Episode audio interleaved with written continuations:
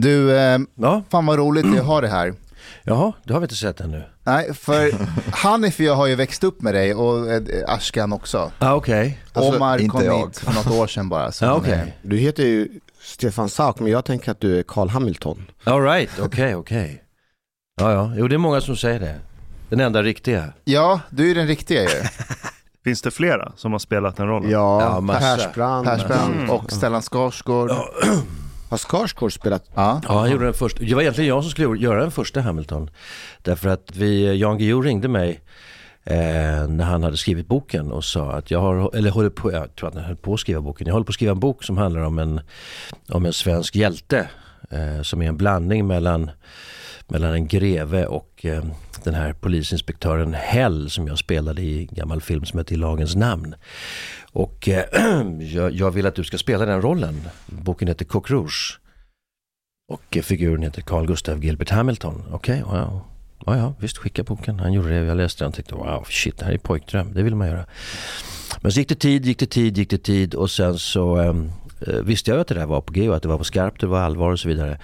Eh, men sen fick jag ett erbjudande från Sveriges Television att göra en tv-serie som heter Svarta cirkeln. Fem timmar, huvudroll, jättebra manus, jättespännande historia och allting.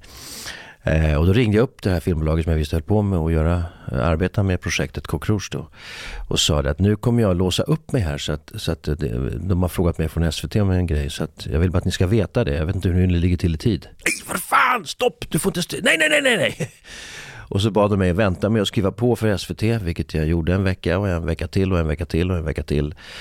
Eh, för de ville ha ihop budgeten först innan de kunde signa upp mig så att säga för Coq Rouge. Och då... ehm, Får jag bara ställa en dum fråga? Vänta, får jag bara eh, gö- göra klart det här eh, så ska du få ställa alla frågor du vill i hela världen, hur dumma de än är.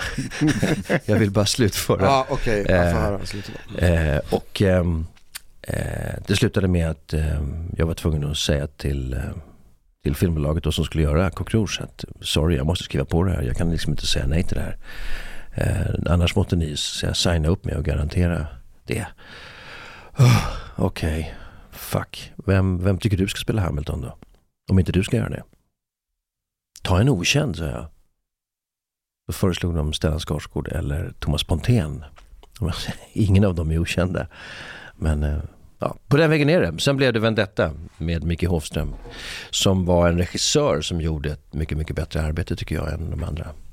Okej, Jag har ändå en fråga, alltså det här med budget ja. och film. ja. Alltså jag, jag förstår att det kostar, jag fattar inte hur, hur går det där med budgeten ihop? Vart får man den där budgeten ifrån? Varför allt den där eh, med kostar, jag har förstått att det är väldigt dyrt att göra film. Det kan vara jävligt dyrt att göra film. Det kan, man kan göra film, eh, man kan göra det som vi, vi kallar för Tupamaros film också. Nej men Tupamar, man kan göra grillafilm också så att säga. Eh, sopa ihop ett gäng grabbar, eh, tjejer, eh, människor, eh, vad de nu kallar sig själva. Och eh, om de är duktiga på det de gör så kan man göra någonting. Om man har ett bra manus så kan man, och bra skådisar. En, en, Ja, man kan en, bara köra. vi gjorde till exempel en film som heter Videomannen på tre veckor Mhm. För en eh, spottloska, eh, helt på egna pengar. Eh, vi skådisar jobbade på Spec som det heter. Eh, Christian A Söderström heter han i Göteborg gjorde. Det är en fantastisk film. Eh, Lena Eriksson fick... Eh, Tupamaros var en, eh, en gerilla som jobbade undercover i... Eh, ja, var jobbade den någonstans? Det är en, Tupamaros? det är en marxistisk gerilla från Uruguay, 60-talet. Så var det ja. Så var det ja. Men vi kan skita i den marxistiska för jag är inte så inne på den. Nej, jag har inte fått den bilden av dig heller. Att du, är, du är inte Jag en är- typisk marxist. Nej, inte typisk. Nej. Jag håller med vänstern i många frågor. Men jag, men, Som vad? Men, ja, till exempel. Jag tycker till exempel att ett samhälle, eh, om vi backar nu, låt säga 15-20 år. Då hade jag långa diskussioner med en granne till mig som är väldigt kunnig vad det gäller samhällsbygge. Han har varit hög, hög chef i många, många sammanhang. Och vi snackade om det där och sa att, jag menar, det är så mycket snack om bidrag och hit och dit och fram och tillbaka. Men ett samhälle har råd, vi i Sverige har råd att bära, det är ungefär 10% som behöver, verkligen behöver stödhjälp. Det kan vara av olika skäl, det kan vara av psykiska skäl, det kan vara fysiska skäl, man kan vara sjuk, man kan ha drabbats av en olycka, man kan vara you name it. Det finns en mängd olika skäl. Och ett värdigt samhälle ska ha råd att ta hand om de svaga som behöver hjälp. Annars är det inget värdigt samhälle, punkt slut. Och det har vi eh, haft råd med ska jag säga. För att nu har vi nu har vi sådana enorma kostnader för, för en massa saker som vi har, därför vi har klantat till det med energipolitik och framförallt det. Eh, och en mängd saker. Så att, eh, Har du alltid varit samhällsintresserad? jag har alltid varit väldigt engagerad i, ja, i, jag är ensambarn, jag föddes eh, tio över ett på dagen här på Söder eh, 1955. Eh, De flesta barn kom ju klockan mellan fem och sju på morgonen. Så att de, eh, eh, jag, det var två saker som var slut när jag kom. Tålamod och ekonomiskt sinne. Så att jag har inget tålamod. Men sen, sen eh, jag har alltid varit eh, ett ensam barn, ganska ensam när jag var liten också. Mina föräldrar skilde sig som jag berättade om när jag var 13. På min inrådan dessutom. Och det var ingen rolig, det var inte så kul sådär. Va? Jag hade inte så kul som barn. Men, så jag hittade på att leka mycket själv och sådär. Men jag hade kompisar också. Sen så vände det här någon gång i sexan, sjuan, åttan, nian. Eh, men jag har alltid eh, varit, jag var ganska liten och späd också eh, sådär och eh, ehm, tyckte inte om våld och var jävligt känslig sådär. Va? Så att jag har alltid strävat och slitit med någon slags överkänslighet. Det vill säga, jag känner av vad som är bakom ytan. Jag menar, eh, om jag tittar på er till exempel. Här, som, nu är jag så pass gammal och luttrad va, så att eh, I can take it. Eh, det, det är liksom eh, människor, eh, nu säger jag inte att ni gör det, men, men man möter ofta människor som liksom har en, ja men tjenare, hej, hur är läget? Eh, Med iskalla ögon, smiling face och man känner att de är ute efter någonting. Och de, Den här personen gillar inte mig. Jag känner alltså vad som är på baksidan, vad som är bakom masken, vad som är bakom den sociala fasaden. Och så har jag reagerat på det som är bakom, det vill säga det som är egentligen på riktigt. Och det kan man ju inte göra i ett samhälle idag. Det, det går ju inte för då blir man ju en eh, konstig människa. Ja det blir väldigt fel. Det, Det kan bli jävligt fel. Så det har varit svårt för mig att hantera det där. Och Jag har haft kämpigt med det. Jag trivdes till exempel aldrig att jobba på de här stora teatrarna. Jag jobbade både på Dramaten, Stadsteatern i Stockholm, Stadsteatern i Göteborg. Eh, sen i efterhand har jag gått in som en liksom lite stjärna sådär och gjort någon roll på Malmöoperan och lite sådär. Och då, då kom man med en helt annan position. Så då kan man liksom, och även på Göteborgs stadsteater. Då är det en annan grej. Men när man liksom är i början av, av, av sin um, yrkeskarriär kan man ju använda. Så är, blir det lite körigt sådär va. Men jag har alltid jag har alltid liksom stuckit ut hakan och eh, reagerat på det jag tycker är galet och det jag tycker är fel. Och det började jag med redan innan jag slutade Teaterhögskolan. Det började jag med redan på skolan så att säga. Så att jag, eh, ja, ett engagemang, ja. Men, men det har ju växt upp med Lori bland annat. Lori, ja, precis. ehm, eh, Yrrol. Just det. Ehm, jag, jag roade mig med att gå in på Öppet arkiv häromdagen och kolla de här gamla avsnitten. Mm. Fan vad roliga de är. Ja, de är, de alltså är de galna. håller än idag. En del är ju tidsmarkörer på när man snackar om eh, aids till exempel och vi snackar om vapen. Bengt Gustafsson där som var ÖB ett tag. Mm.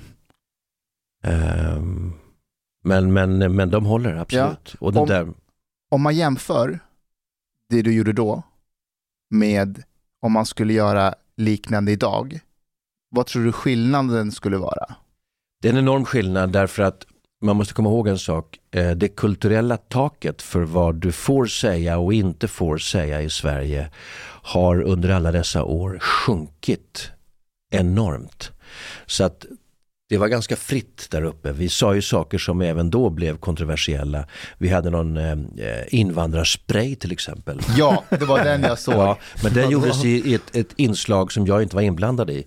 Eh, som hette Kanal C som var så att säga satirisk reklam. Invandrarspray, vad är det för något? Ja, alltså den hette All skit försvinner. Ni ser, jag sitter bara invandrare och garvar arslet av sig. Alltså, det, det är friare, det är friare med, alltså ni har ju humorn i behåll och kan garva åt det här va. Men det var Lena Endre som, som då stod och utanför en, en så kommer en, en svart snubbe går förbi så tss, sprayar, så var han borta. All skit försvinner. Oh, shit. Och den Alltså, där, jag den där, Den där klippet, jag aldrig flyga tänkte, idag. wow. Ja. Fick, fick ni mycket skit för den? Ja, det var, det var snack om den och den var nog uppe och blev anmäld tror jag. Men du vet, skulle du göra det där idag? Vad skulle hända då? Ja, för det första, ingen skulle ens våga tänka tanken på att göra det. Därför att skulle de göra det så skulle de bli cancellerade för all framtid och satta i frysboxen och eh, självdö när de sitter och gnager på tummen och undrar vad fan hände. Därför att hela det kulturella Sverige har ju liksom följt med. Jag menar egentligen tycker jag så här att de som sysslar med kultur eh, konst och kultur måste ställa sig åtminstone med ena foten utanför och betrakta det samhälle vi lever i för att sen kommentera. Sen kan man ju bara måla för att man vill, göra vackra saker och det är ingen värdering alls i det utan det är fantastiskt. Konst är konst, det kan vara vad som helst. Men, men om inte de som jobbar med kultur skådespeleri, eh, regi, eh, dramatik, eh, you name it, allting. Om de inte kan ställas utanför och titta med klar blick utan ideologiska glasögon på näbben och, och eh, vara narren i kungens öra som säger sanningen. Jag menar, då har vi ett problem och vi, det är därför vi har ett problem i Sverige också. Men- Vi, vi kan ju inte hantera någonting längre därför att vi har en, en skrikande flock som är en megafon för det narrativ som man ska ha om man är rätt trogen vad det nu är för någonting, om du förstår vad jag menar. Man ska vara mänsklig som man säger. Men vem, fan, vem fan vill inte vara mänsklig? Det är inte det det handlar om. Det handlar om en jävla massa andra saker. Det handlar om, wow. Så att det kulturella taket har ju sjunkit. Så att idag kan man inte göra såna här saker. Vi försöker lite grann, jag och några till på, på sociala medier. Men inte. Vi har, många säger också att man ska göra om det där. Kan, fan kan du inte göra det med tillfället i avbrott igen? Det går ju inte att göra om därför att då skulle man konkurrera med sig själv. Mm. Med någonting som har fått lite kultstämpel sådär. Men det är fortfarande samma hjärna, det är samma blick som tittar på världen idag som tittar då. Min hjärna, jag har inte förändrats. Alltså inte annat än att jag har skaffat mer erfarenhet, skaffat mer kunskap, eh, eh, andra perspektiv. Men synen är fortfarande densamma. Jag, jag har inte ändrats politiskt ett dugg. Om man nu ska säga det, vilket jag är. Jag är liksom en fritt svävande molekyl där. För mig att, att titta på det politiska smörgåsbordet, det är som att se massa maträtter som, som liksom, nej, inte den, ja, den, nej, inte den heller. Alltså, nej, det är inget av det här jag egentligen, jag vill inte ha något av det här egentligen. Jag menar, hade, hade Sverige haft en socialdemokrati som man har i Finland till exempel, då hade, det varit, då hade det varit mycket lättare. Men nu har vi inte det. Det här, det här narrativet du, du pratar om, det här medmänsklighet och alla de här orden. Och jag tänker på den här blicken du, du berättade nyss. Den här uh, iskalla ögonen med det här fake-smilet. Ja, ja. Det är det ansiktet jag ser framför mig så fort jag hör ord som medmänsklighet och tomma ord som inte betyder Exakt. någonting. Det betyder ingenting. Är, det någons, finns det vissa aspekter av samhället, olika forum i samhället eller geografiska delar av samhället där du har stött på mer av den här masken jämfört med andra? I kulturens värld. I min värld. Där är den ju eh, liksom standard. Var det så förr också när ni gjorde de här? Ja och nej, inte på samma sätt. Det har blivit alltså, vi har på något sätt sakta men säkert utan att veta om det, eh, egentligen, egentligen utan att tänka efter, eh, lagt på en censur på oss själva. Eh, att man ska tänka på ett visst sätt, du ska vara på ett visst sätt. För att vi människor, vi är flock, vi är biologiska varelser, vi kan liksom inte komma ifrån det. Jag menar bara att säga det idag kan ju vara som att skita i det blå skåpet. Mm. Eh, men vi kommer liksom inte ifrån det och drabbas vi av en, av en hård, tuff sjukdom, ja då går vi till sjukhuset och då är det biologin som gäller och biokemin som gäller. Och då är det liksom, då är vi biologiska varelser lika förbannat liksom. Eh, så att vi är det, vi, vi kan liksom inte komma ifrån det. Om man inte tror på Gud och tror att man ramlar ner eller liksom att eh, ja, människan blev skapad av, av farbror, en farbror i himlen med skägg. eh, så, eh, så får man nog, vi är en del av djurriket alltså, Homo sapiens sapiens. Vi räknas till, till eh, flocken människoapor, eh, primater. Vi, vi är den högst utvecklade av hela det gänget. Vi, vi, vi delas också in i, i, i gruppen däggdjur, det vill säga vi diar, vi ammar våra barn, vi föder inte ägg, vi lägger inte ägg, vi människor. Vi är inte amöber heller, även om jag tycker att väldigt många av oss är jävligt ryggradslösa. Men, men eh, eh, så är det. Vad var frågan? Jag vet inte, men på tal om just amning och att, eh, att, på det. att, att Biologi. biologin gäller på sjukhuset. Ja, jag såg den. Ja, du har sett Region ja. Värmlands Jag fick den i Värmland. reklamkampanj. Jo då. En sockerbagare, hen bor i staden, hen bakar kakor mest hela dagen. Hen bakar stora, hen bakar små. På fullt allvar i Örebro. Jaha, Nej, Fick, det? fick föräldrarna en ny text? när jag Nej. Jo, det är på, det är på fullt Nej. allvar. Det är på fullt allvar. Men kan, kan du beskriva lite? Ja, men det, Beskriv det, det, bilden det är en från- bild från Region Värmland och jag trodde ju det var satir, att någon har gjort det på skämt.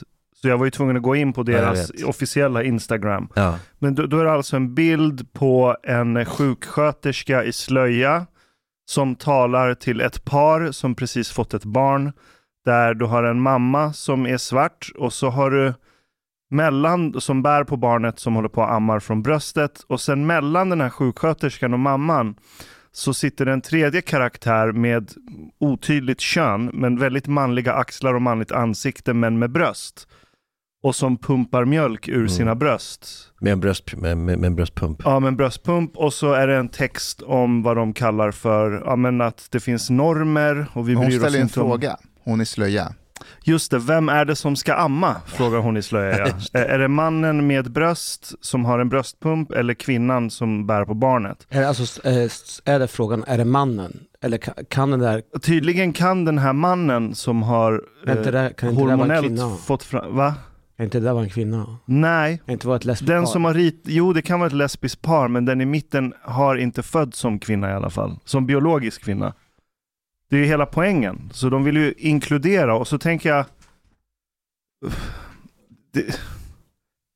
Jag, jag har inget emot att du vill byta kön när du är vuxen. Jag lägger mig inte i det. Jag, jag har inga värderingsproblem med det whatsoever. Nej. Men om det här ska handla om inkludering. Du exkluderar 99,9% av Mm. alla människor som någonsin gått på den här planeten Mm. med en sån här affisch. Som kallas för samamning. Hur- På vilket sätt exkluderar man? Samamning. Ja, men hur många scenarios i universum kommer se ut så här? Okay, but uh, I will have a bit of a deviating opinion on this, which is a bit maybe surprising to some. Ja. Um, I, I think people are, are way too disturbed about this because here, because it's obviously like this this person who's sitting in the middle um, is a biological woman. Är det? Yes, it is Den either either either either a trans man who is a biological woman or a lesbian woman. Okay. Men, men ser du inte yeah, just just med me. att bara att vi undrar, är det? För att vi vet ju inte vad Region Värmland försöker säga oss. De säger att det kan vara en man. Yes, yes, and, Mm, exakt. yes and no. De säger inte att det kan vara en biologisk man. Because everybody knows that this is not possible really.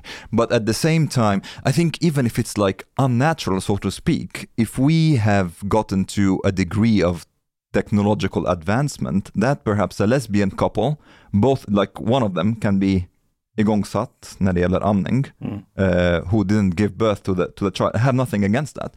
And Det har inte jag heller. Jag har inget Yeah. emot samkönade par som skaffar barn heller. No, no, no, eh, not this. Like, I have no problem with them trying to advertise that for lesbian couples, for example, the one who didn't like um, give birth to the child can breastfeed, uh, for example. Jag är med. Det är jättebra att man visar för invånarna att är ett lesbiskt par och båda vill amma.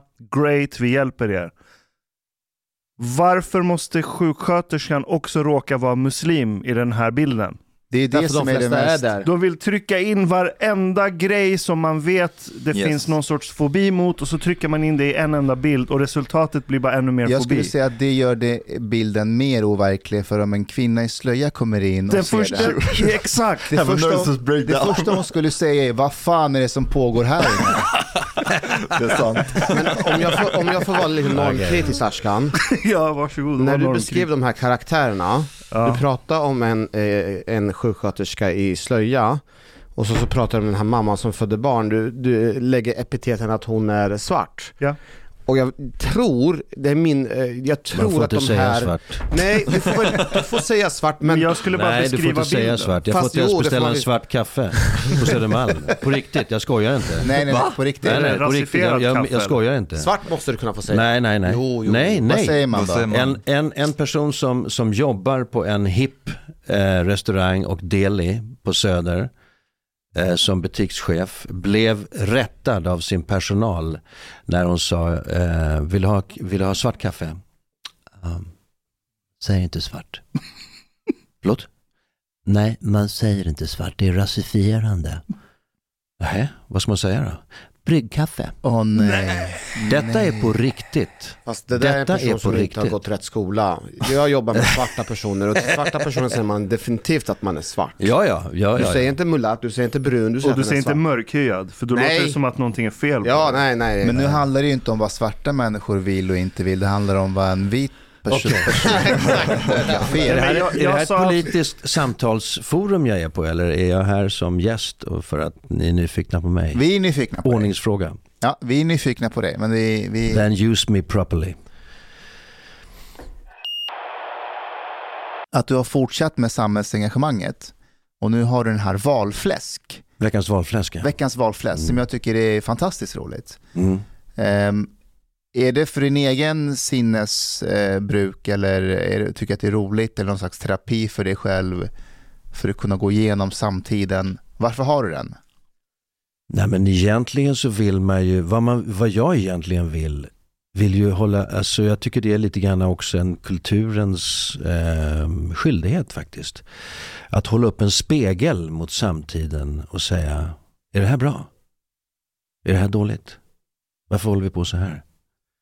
Um, och det vill jag göra för att det är, och det finns väldigt mycket att hålla upp en spegel mot idag, tycker jag. Så att um, Jag har ju hållit på och sprattat lite grann och det är egentligen helt tanklöst eh, kan man säga på ett sätt men å andra sidan sett är det väldigt genomtänkt. Men det fanns ju ingen plan med det att jag började lägga ut saker på en Facebook-sida, på en YouTube-kanal. Utan det var att jag snedde till på Daniel Heldén här. Exakt. eh, Det var exakt det jag tänkte. 2018, Ja. våren 2018 och körde runt i Stockholm och en, en kompis filmade och så eh, sa vi lite saker om det här med vansinnet i att vi ska cykla arslet. Det är en rött, fantastisk liksom. video. Mm. Ja, jo, men den är, den är, det är dags att göra en till eh, trafikvideo faktiskt. Ehm, Men förlåt, vad var det du störde dig på? på Ja, att man, att man, det- för mig är det så dumt liksom att vi lever ju i en blöt Lovikavante åtta månader om året och, eh, och, eh, sen är det några månader där det är snö, is och vinter eh, och sen har vi några månader på sommaren när det är cykelväder. Men nej, då ska vi bygga cykelbanor, uppvärmda cykel, eluppvärmda cykelbanor för miljarder och tränga bort bilarna och tränga bort så att det liksom, vi inte kommer fram med, med bilar, vi som kör bil. Alla kan inte cykla, alla vill inte cykla. Eh, och det finns en mängd saker, men de ska jag inte säga här, eh, för att de ska ut på ett annat ställe som är alltså chockerande i vad man, hur man tänker från eh, det miljöpartistiska hållet när det gäller biltrafik och Stockholm och transporter och Stockholm. För det är en bomb alltså. Men det, snart är det ju, ingenting är ju bomber längre i Sverige, inte ens riktiga bomber. Det liksom bara passerar och så tuffar man på som vanligt. Det är när man stänger av tvn, då kommer folk bli vansinniga. Men du la ut den här klippet på... Jag la ut den där på, eh, på, på för vi, gjorde, vi åkte runt och så vi, plötsligt hade vi 50 minuter material. Och så sa jag att Jocke, fan det här går inte, kan inte du försöka kl- klippa ner det här? då?" Och då lyckades jag klippa ner det till 11 minuter. Mm. Eh, och eh, då eh, så tänkte jag, fan det är för långt, 11 minuter är alldeles för långt. Så att jag, den fick ligga kvar på skrivbordet på datorn. Sen skulle jag åka, åka ner till Toscana, Italien i, eh, på sommaren 2018. Och, Du eh, cyklade dit. jag cyklade inte dit, jag flög dit faktiskt. Och ehm, eh, skulle jobba lite och, och sådär. Och ehm, jag tyckte, ah fan jag lägger upp den där på, på min Facebook-sida, den officiella Facebook-sidan. Mm. Så får den ligga där, får vi se vad som händer. Ja. Ja. Jag vet inte. Och vad tänkte du? Vad tänkte du att du skulle få för reaktioner? Jag tänkte ingenting, jag bara slängde upp den. Fuck Ja. it. Jag, liksom bara på skoj. Och så stack jag och sen ett dygn senare tittade jag och nu hände någonting. 135 000 visningar på ett dygn. Mm. What? Och då tänkte jag, vad fan är det här? Här måste jag, jag måste, vänta nu, äh, vänta nu. Jag måste, äh, måste göra en till så jag kan vara lite mer nyanserad liksom. Eh, och på den vägen var det. Sen, så, så, sen fortsatte det så. Jag reagerade på någonting på radion och då gjorde jag en grej av det, bara slängde upp sådär. Bara, Men- Men när jag såg det här klippet, det, var ju, det, det finns ju flera lager eh, som eh, Navid Modiri brukar säga. Det, det ena är ju den här kri, kritiken mot eh, Miljöpartiet och Daniel Heldén. Men sen var det också en annan sida, det är att eh, Stefan Sauk som en etablerad eh, seriös skådespelare spyr galla över politiker på det här sättet. Jag hade inte, jag har inte sett någon annan nej. göra det. Och jag hade så svårt att kunna liksom koda. Liksom, hur ska jag förhålla mig till den här, den här videoklippet? Så det var, ju, alltså det var ju chockande på flera sätt. Ja, jo det var chockande. Det var ju flera i um, kulturbranschen som också blev chockade. Ja. Eh, och inte kunde förstå vad ville han? Vad, vad, vad, vad, vad händer? Vad har hänt med Stefan Sauk? Ja. Men det här, är, det, här är ju, det här är ju inte så, eh, i andra kulturer så är det vanligare. Ja, ja. Att, att, eh, jag menar De Niro hade en lång drapa om Donald Trump till exempel. Det är inte så konstigt. Ja men han, han hade ju rätt, han tyckte ju rätt. Ja, om rätta personer Ja. åsikter. Och det är då- okej om du gör om Sverigedemokraterna, men du kan inte göra om Daniel Heldén. Han är som står för det goda. Nej, precis. Jag kan göra om Sverigedemokraterna också. Jag kommer att göra det. Därför att jag menar, de, de behöver också få sitt skit liksom. Eh, man ska komma ihåg en sak. Sverigedemokraterna är bara, eh, att de överhuvudtaget existerar på det sätt som de gör är en konsekvens av de etablerade politikernas oförmåga att hantera verkligheten. Punkt slut. No more, no less. Det är ett missnöjesparti som alla andra partier. Var från början. Men hur var reaktionerna på videoklippet? Nej, det var ju, de var ju superpositiva. Ehm, och sen har det varit flera, flera videosnuttar som jag har slängt upp sådär. i- inte med någon ordning utan när jag tycker att eh, när det är fullt i huvudet liksom med någonting så spyr jag ut det. Eller så försöker jag lägga lite tid på att skriva och sådär. Och i vissa ämnen där, där går jag in och forskar. Mm. Eh, som nu till exempel när det gäller, tjena, välkommen. Om du kommer så här sent så kommer, då kommer i min värld kommer man inte ens in. Vad sa du? Om man kommer så här sent så kommer man inte ens in. Jaha. Jag, jag- jag, skyller på Shell. Deras eh, tryckluftsmaskin var ur funktion. Ja, exakt. Och det är måndag Ja. och så fyller man år. Och då kommer all jävelskap. Grattis, ja, idag? Ja, så sambon hade ju uppvaktat och du, grejer. ja, ja, nej, men du är, äh, du är så ursäktad så ursäktad. Jaha, jag nej. skojar lite med dig bara. Ja, nej, men det är lugnt. Men, men jag, så, lagen om alltings jävlighet. Ja. Så jag kastar mig i bilen. Då gnäller den över att det är för dåligt tryck i däcken. Ja. Kör till macken. Då är jag redan där förlorar fem minuter. Då är den nu funktion. För det händer ingenting. Jag ska Nej. Och så får jag åka runt och leta tryck. Ja, du vet. Och så kommer allt på en gång. Det, det är måndag. Så nu skäller du på skäll. Ja, highway to Shell. Välkommen Shango, grattis. Grattis. Ja, tack, tack, tack, tack. Hur gammal blir du? Jag, vet, jag tror det är 39. Åh, ja just det, du. Tror. Just det, exakt. Ja, jag har heller aldrig haft koll. Ja, efter, Det kommer 20, en dag när man har koll. Efter gammal man är. 20 vill man inte bli äldre. Vi pratar, Efter 20 vill man inte bli äldre. Efter Kanske 30 skulle jag kanske. säga. Ja. Jag vet 30, inte, det, 30. ångesten kommer där någonstans. Nej, Sen vill 30 är man bra. inte bli påmind. 40. Jag vill stanna Jag vid kommer, 40. kommer du ihåg, ja det gör du ju såklart, uh, Yrrol. Vi har redan pratat om det. Jaha, den här scenen där det är kock med någon kräfta eller vad? Där du pratar om döden eller vad det var. En monolog. Mm.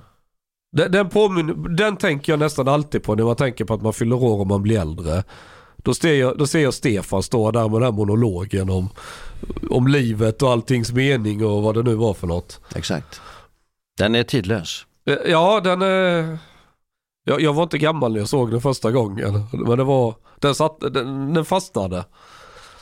Vi var inne på att prata om eh, spontana filmklipp på Facebook och när Stefan eh, släppte ut en klipp med där han spydde gallan på Daniel Heldén. 2018 var det va? Ja, våren 18. Ja. Och den fick hun- över 100 000 visningar På ett dygn. på ett dygn. 135 000 till och med. Mm. 135 Då 000. blir jag lite eh, fundersam. Vad, vad fan är det här för jävla medium? Eh, det här kan man ju använda på något sätt. Men, men det har inte blivit, det har, det har varit väldigt sporadiskt sådär och inte med någon slags Det är inte som Henrik Jönsson klockan åtta varje lördag morgon utan, utan det kommer när det kommer. Liksom. Men som sagt, ibland i vissa, eh, och mycket är ju spur of the moment när man går och eh, liksom irriterar sig på någonting och sen så skjuter man av någonting i skogen eller i bilen eller, eller, fram, eller i, i en, den miljö som jag brukar vara i. Men en del ämnen känner jag att vänta nu, här, här kan jag för lite. Då måste jag liksom, som energipolitiken till exempel i Sverige, kärnkraft, vindkraft, bidibidibap, havsbaserad vindkraft. Då har jag ägnat nu en månad åt att liksom borra i det ämnet och gjort så att jag har eh, försökt eh, hitta sakkunniga människor som är forskare på riktigt. Eh, professorer som kan det här och eh, som står också fria som inte har fingrarna i statens syltburk om ni förstår vad jag menar. Därför att du kan köpa vilken professor du, du vill. Men det har man gjort nu också. Man släpade upp någon gammal teknikprofessor eller i teknik, professor i teknikhistoria som var negativ mot kärnkraft såklart. Men man undrar, man såg bilden på honom typ, och tänkte man, vänta nu har den här farbrorn verkligen klätt på sig själv? Eh, det var liksom min känsla. Men han var ju negativ mot kärnkraft. Och fine, jag är inte heller positiv till kärnkraft. Jag tycker det verkar lite wow, wow, wow, spooky sådär. Med det här avfallet. Men att eh, släcka ner eh, det, de, de, de, de energikällorna innan vi har ett alternativ är ju fullständigt hål i huvudet. Det, det, jag, jag funderar spontant så man kan köpa sig en professor. Men det måste väl gälla lika hög grad med kulturarbetare? You bet. Men du använder inte kulturarbetare som experter. Nej, Du skriver inte expert i tidningen, kolon, och sen ska vi tro på den här experten bara för att det är en expert. Förstår du vad jag menar? Det är en viss Jag är skillnad. helt med. Jag är kulturarbetare är en sketen kulturarbetare som har sin egen, egen eh, tolkning och sen kan den göra en, någonting som vi kan tycka om. Gilla eller inte gilla och så vidare. Men när man går ut och, på och säger det här är en expert, det här ska vi tro på, det här ska ni tro på, för det här är en expert. Ja, ja, men den där är en betald expert. Då blir det lite värre, det är en väldig skillnad, det är två olika världar ty- för mig. Men jag förstår hur du tänker. Ja, jag tänker man brukar säga att kulturen ska vara fri. Man pratar om armlängds avstånd. Och så gå till? Man pratar om armlängds avstånd. Att kulturen ska vara fri, staten ska inte in och styra i kulturen. Precis. Och sen varenda... Så är det ju inte längre. Nej, alltså alla som ska söka stöd för någonting, de måste ha med mångfald, genus, eh, alla de här Ja, ja, sakerna ja. som eh, Jajamän, jajamän, religionen för stunden. Det där är en helt, det är en egen podd kan jag säga och diskutera vad som har hänt där. Därför att eh, nu har ju universiteten eh, och högskolorna blivit, blivit också politiserade på ett sätt som är, eh, inte gagnar konsten kan jag säga och inte gagnar kulturen. Därför att jag menar, tar man, tar man eh, eh, att kulturen ska vara fri, vi kan ta man startade någonting som, eh, vad kallar man det för? Scriptwriter, Screenwriters Stockholm eller något sånt där. Eh, jag tror att det var, om det var Reidar Jönsson som var ini- initiativtagare, samlade alltså filmmanusarbetare eh, på eh, Skeppsbron för att eh, skapa en pool av manusförfattare till film. Eh, Men då sitter man där och skriver på sitt filmmanus som man verkligen brinner för och sen så har man på Filminstitutet, då byter man konsulent. Jävlar, shit, vad fan jag kan inte skriva det här. Släcker ner datorn tänker, vänta nu, vem är det som är konsulent nu då? Ja, det är hon. Och jävlar, ja, men då kan jag inte göra det. Det här manuset funkar ju inte då. Då måste jag ju liksom Ja. skriva någonting som hon, hon gillar. Vad har, du, vad har du friheten där? Det låter ju helt sjö- Så är är, det. det en anledning till att svensk filmbransch ser ut lite som det gör om du jämför det med svensk spelbransch? Ja, det skulle jag säga. Vilken spelbransch? Nej, Casino men- och sånt? nej, nej, nej, nej, alltså nej, dataspel. gaming, och- gaming, ja, dataspel. Vi är liksom världsledande på det, vi är jättebra rykte. Där är ju inte staten inblandad Det är det jag menar, det är det jag är ute efter. Det är, det, är en väldigt bra, det är en väldigt bra liknelse, därför att, eller en, ett, ett, ett, ett exemplifiering av det vi pratar om. Därför att ehm, de här kultur... ehm, spelbranschen är ju, det är helt fritt skapande. Ja. Och jävlar vad det händer grejer. Ja. Musikbranschen, helt fritt skapande. Jävlar vad det händer grejer. Filmbranschen, nej. Då måste vi ha det här och det här och det här. Och sen måste det vara rätt också. Det är klart som fan att det blir saggigt. Och det här gäller ju inte bara filmbranschen, det gäller ju även TV tv-serier. Liksom. Är det här en utveckling som, som gör dig sorgsen som skådespelare? Förbannad skulle jag säga. Eh, därför att jag, jag blir sorgsen av and, eh, Då har jag på något sätt gett upp. Jag, har ju, jag ger ju aldrig upp. jag tillhör den kategorin. Eh, jag, jag skulle kunna läsa upp en liten sak i DN. Som en illustration hur en del tänker. Det var så jag varit intervjuad för ett tag sedan då när vi fick ny regering som en av elaka högerprofiler. Är du Och- en sån? Ja det är jag, mycket elak och hemsk högerprofil. Jaha, okej. Och Är det här ett högerforum jag sitter i nu? ja, det vet jag inte, det är nog väldigt Nej, det blandat. skulle jag inte säga. Det är nog Är, väldigt... vi, är det ett SD-forum? Extremt. Nej, det skulle jag inte det. säga. Det är den breda mitten här inne. Det är skiten, det kan man nog säga. Den som Eh, försvann. Men jag, jag brukar vara en sån här röst i offentligheten som säger det där, jag trampar på tårna lite. Okej. Och när man är en sån, då blir man ju gärna placerad väldigt som en, eh, den där elakingen som... som eh, och då, då, då, såg jag i den här eh, profilen att man borde lägga ner Svenska Filminstitutet för det är det största hindret för att skapa bra svensk film. Mm. Och då fick jag en drapa mot mig i DN från Helena Blindblad så står det utan Filminstitutet skulle vi inte ha någon svensk film, genrefrick, är rubriken. Och då argumenterar man att i gräset, det räcker jag läsa upp den. Utan skattepengar skulle varken ursvenska kostymdramer som Utvandrarna eller Ruben Östlunds prisade filmer kunna bli till.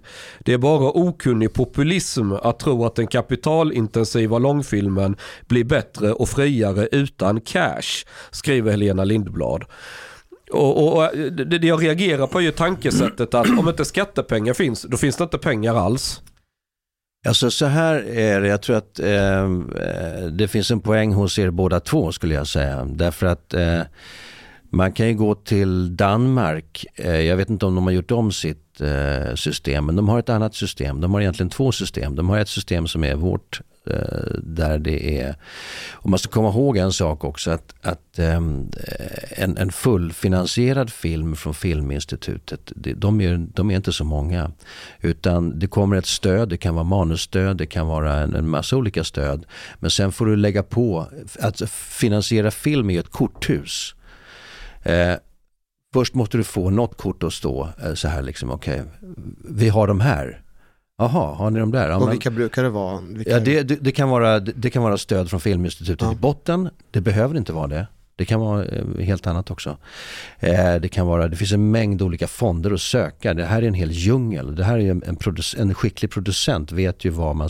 Jurimage till exempel, det har ju europeiska filmfonder. Du har Filmpool, eh, Filmpool Nord, Filmpool, alltså alla de här filmpoolerna som vi har i Sverige. Och sen har du Filminstitutet. Så vi har en mängd olika eh, ställen att söka finansiering. Och det här är som olika kort. Och så har man fått ihop en bit men du har fortfarande några kort kvar. Och då kommer ja men vi har här, då kanske man behöver ha lite kapital utifrån. Eh, från den fria marknaden, från näringslivet. och då, för och då visst är kanske man, f- för, behåll frågan. Eh, så kanske det kommer Men så är det kanske en av de här korten här nere som Nej, vi, vi, vi, vi, vi drar tillbaka vårt stöd eller vi tar tillbaka. Då rasar hela korthuset. För alla de här delfinansieringsbitarna är beroende av varandra. Mm. Så att, att, väl, att få ihop en filmbudget, det är ett konststycke i sig. Eh, faktiskt. Så det, det är många bäckar små. Men andra. danskarna hade ett smart system. De hade ett system, om de har det kvar vet jag inte, men de hade i alla fall ett system där de har det som det, det svenska systemet. Då hade de ett annat system där om det är så att du lyckas sopa ihop 50% av budgeten själv, på hur du vill, vilket sätt som helst. Då finns det uppenbarligen så pass många människor som tror på det här projektet så att då ska vi se till att det blir gjort. Då sköt staten till den andra resterande Snyggt. halvan. Och det är ett väldigt mycket snyggare sätt att göra det på. Där fanns det inga eh, så att säga ideologiska eh, eller liksom att du måste ha en viss gender-certifiering på projektet eller bla bla bla bla bla. Och då blir det plötsligt lite friare. Eh, och det är ett mycket sundare sätt att finansiera film på, ett, ett sundare sätt att ha det. Jag kan, jag kan hålla med dig när du säger lägg ner Filminstitutet. Jag kan hålla med Helena eh, också som säger det Ja. hon säger. Va? Så jag håller med er båda Ja, ja. eh, på ett sätt. Eh, Man måste göra om eh, hela filmpolitiken. Man måste framför allt ta bort det politiserade. Alltså, det, Ja, precis. ja, det måste man göra. Men kan, om jag, får jag bara kritisera kulturvärlden då och Ja, vara skjut, djävulens advokat här? Då? För jag är, Slå in öppna dörrar kan jag tänka. Även om jag är kulturarbetare. men jag är före detta kulturarbetare. Ja, vad är du nu då? Nu vet jag inte vad jag är, men jag, men jag gjorde kultur för länge sedan. Jag, jag var musiker. Och då, Okej. var, då gick folk runt och sökte stöd Ja. för att köpa instrument och prylar och bla bla bla. Och jag sökte inte det, inte för att jag var ideologiskt emot det, det var för att jag fattade inte vad det var. Jag förstod Nej. inte hur det funkar. Det var Nej. så jobbigt med papper och grejer. Så jag gick och jobbade på Max. Stod och stekte burgare, sparade pengar, köpte prylar. Eh, och, och jag hade väldigt låg budget. Men det fick, det fick liksom bli ramen för hur jag skapar. Mm. Och så kunde jag skapa och sälja och tjäna pengar på det. Och så tittar jag på film idag.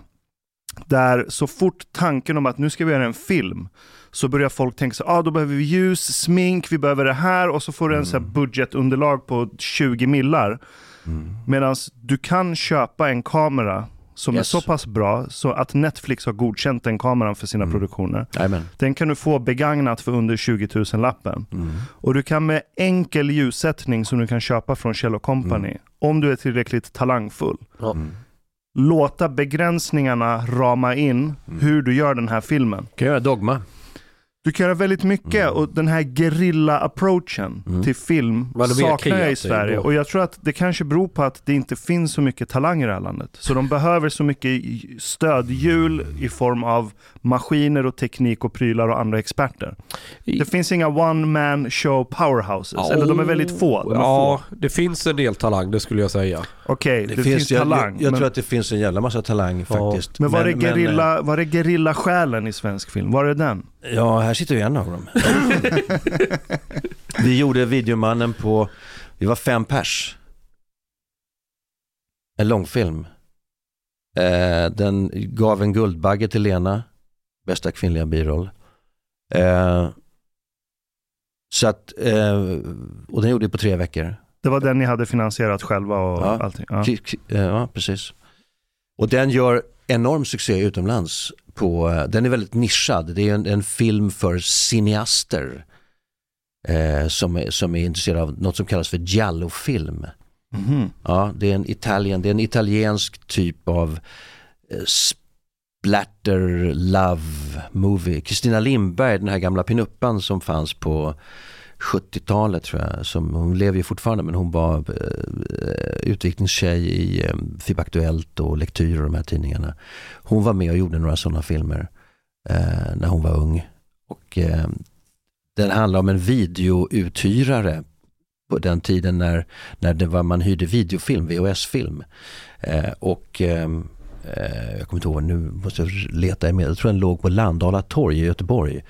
En, en snubbe som hette Ennio. Eh, han döpte sig själv till Ennio efter Ennio Morricone som är då den här kända eh, kompositören som har gjort eh, många fantastiska eh, filmer, musiken till. Eh, och han, sen dog ju VHS-branschen.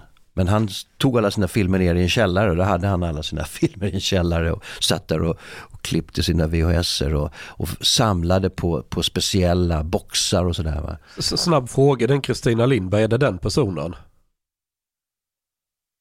Nej, Det är det inte? nej det är det inte. Nej, nej, nej. Nej, nej okej. Jag var bara lite orolig att det var min... Jag har en halvsyrra nämligen som jag Hon var oroar- så ung på 70-talet så hon ser lite annorlunda ut idag. Den där, Ja, ja det här är, den här personen är, är, väl f- över 50. Som du ser på de här bilderna. ja, det är väl Jo, väldigt fixade bilder skulle jag säga. eh, jo. Jag är bara orolig för det, det är min halvsyrra. Ja, Så jag var Nej, men- lite, var det inte den Kristina Lindberg? nej det är det inte. Nej, det var ju tur. Ehm, Men, men? VHS, VHS-källaren med boxarna. eh, just det. Jallo. Jallo-film ja. Och den gjorde vi, det, det var ett gerillafilmprojekt. Vi, eh, Rafael Edholm och jag har ju hållit på, han har gjort flera gerillarullar. Och eh, Babbas bilar och eh, alla möjliga. Så det finns, det finns. Men, men eh, det, det är tyngre. Därför att en sak är att sitta och göra musik i en studio. Det är en annan sak att sopa ihop ett filmteam och spela in film. Därför det kräver så väldigt mycket mer. Mm. Det är, det, det, det är ett jävla jobb alltså.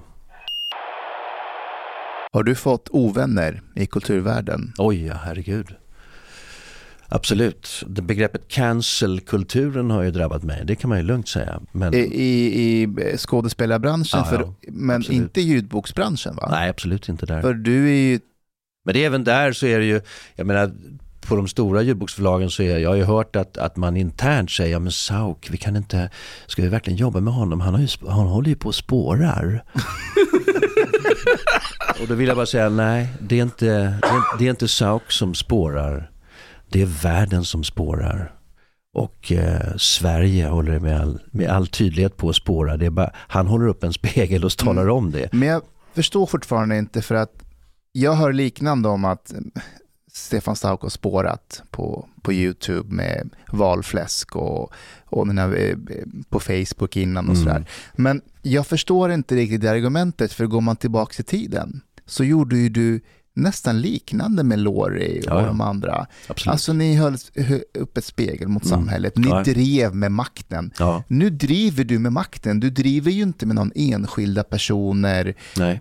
Så vad har hänt? Varför ser man Det, inte kult, att... det kulturella taket har sjunkit. Vi håller på att skapa en DDR-befolkning av rättrogna i Sverige.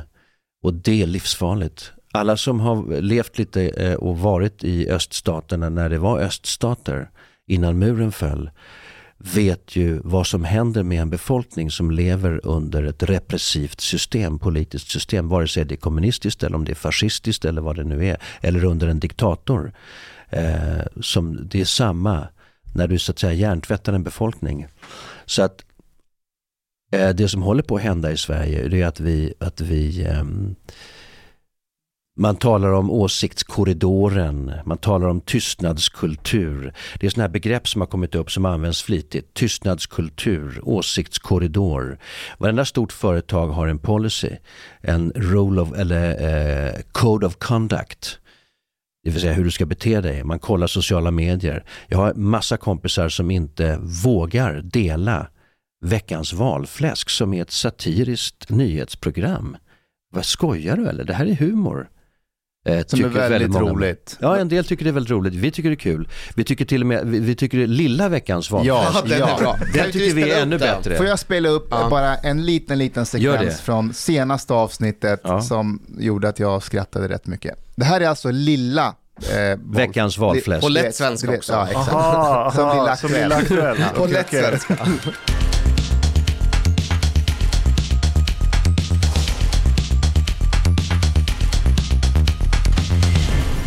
Det är dags för lilla veckans valfläsk.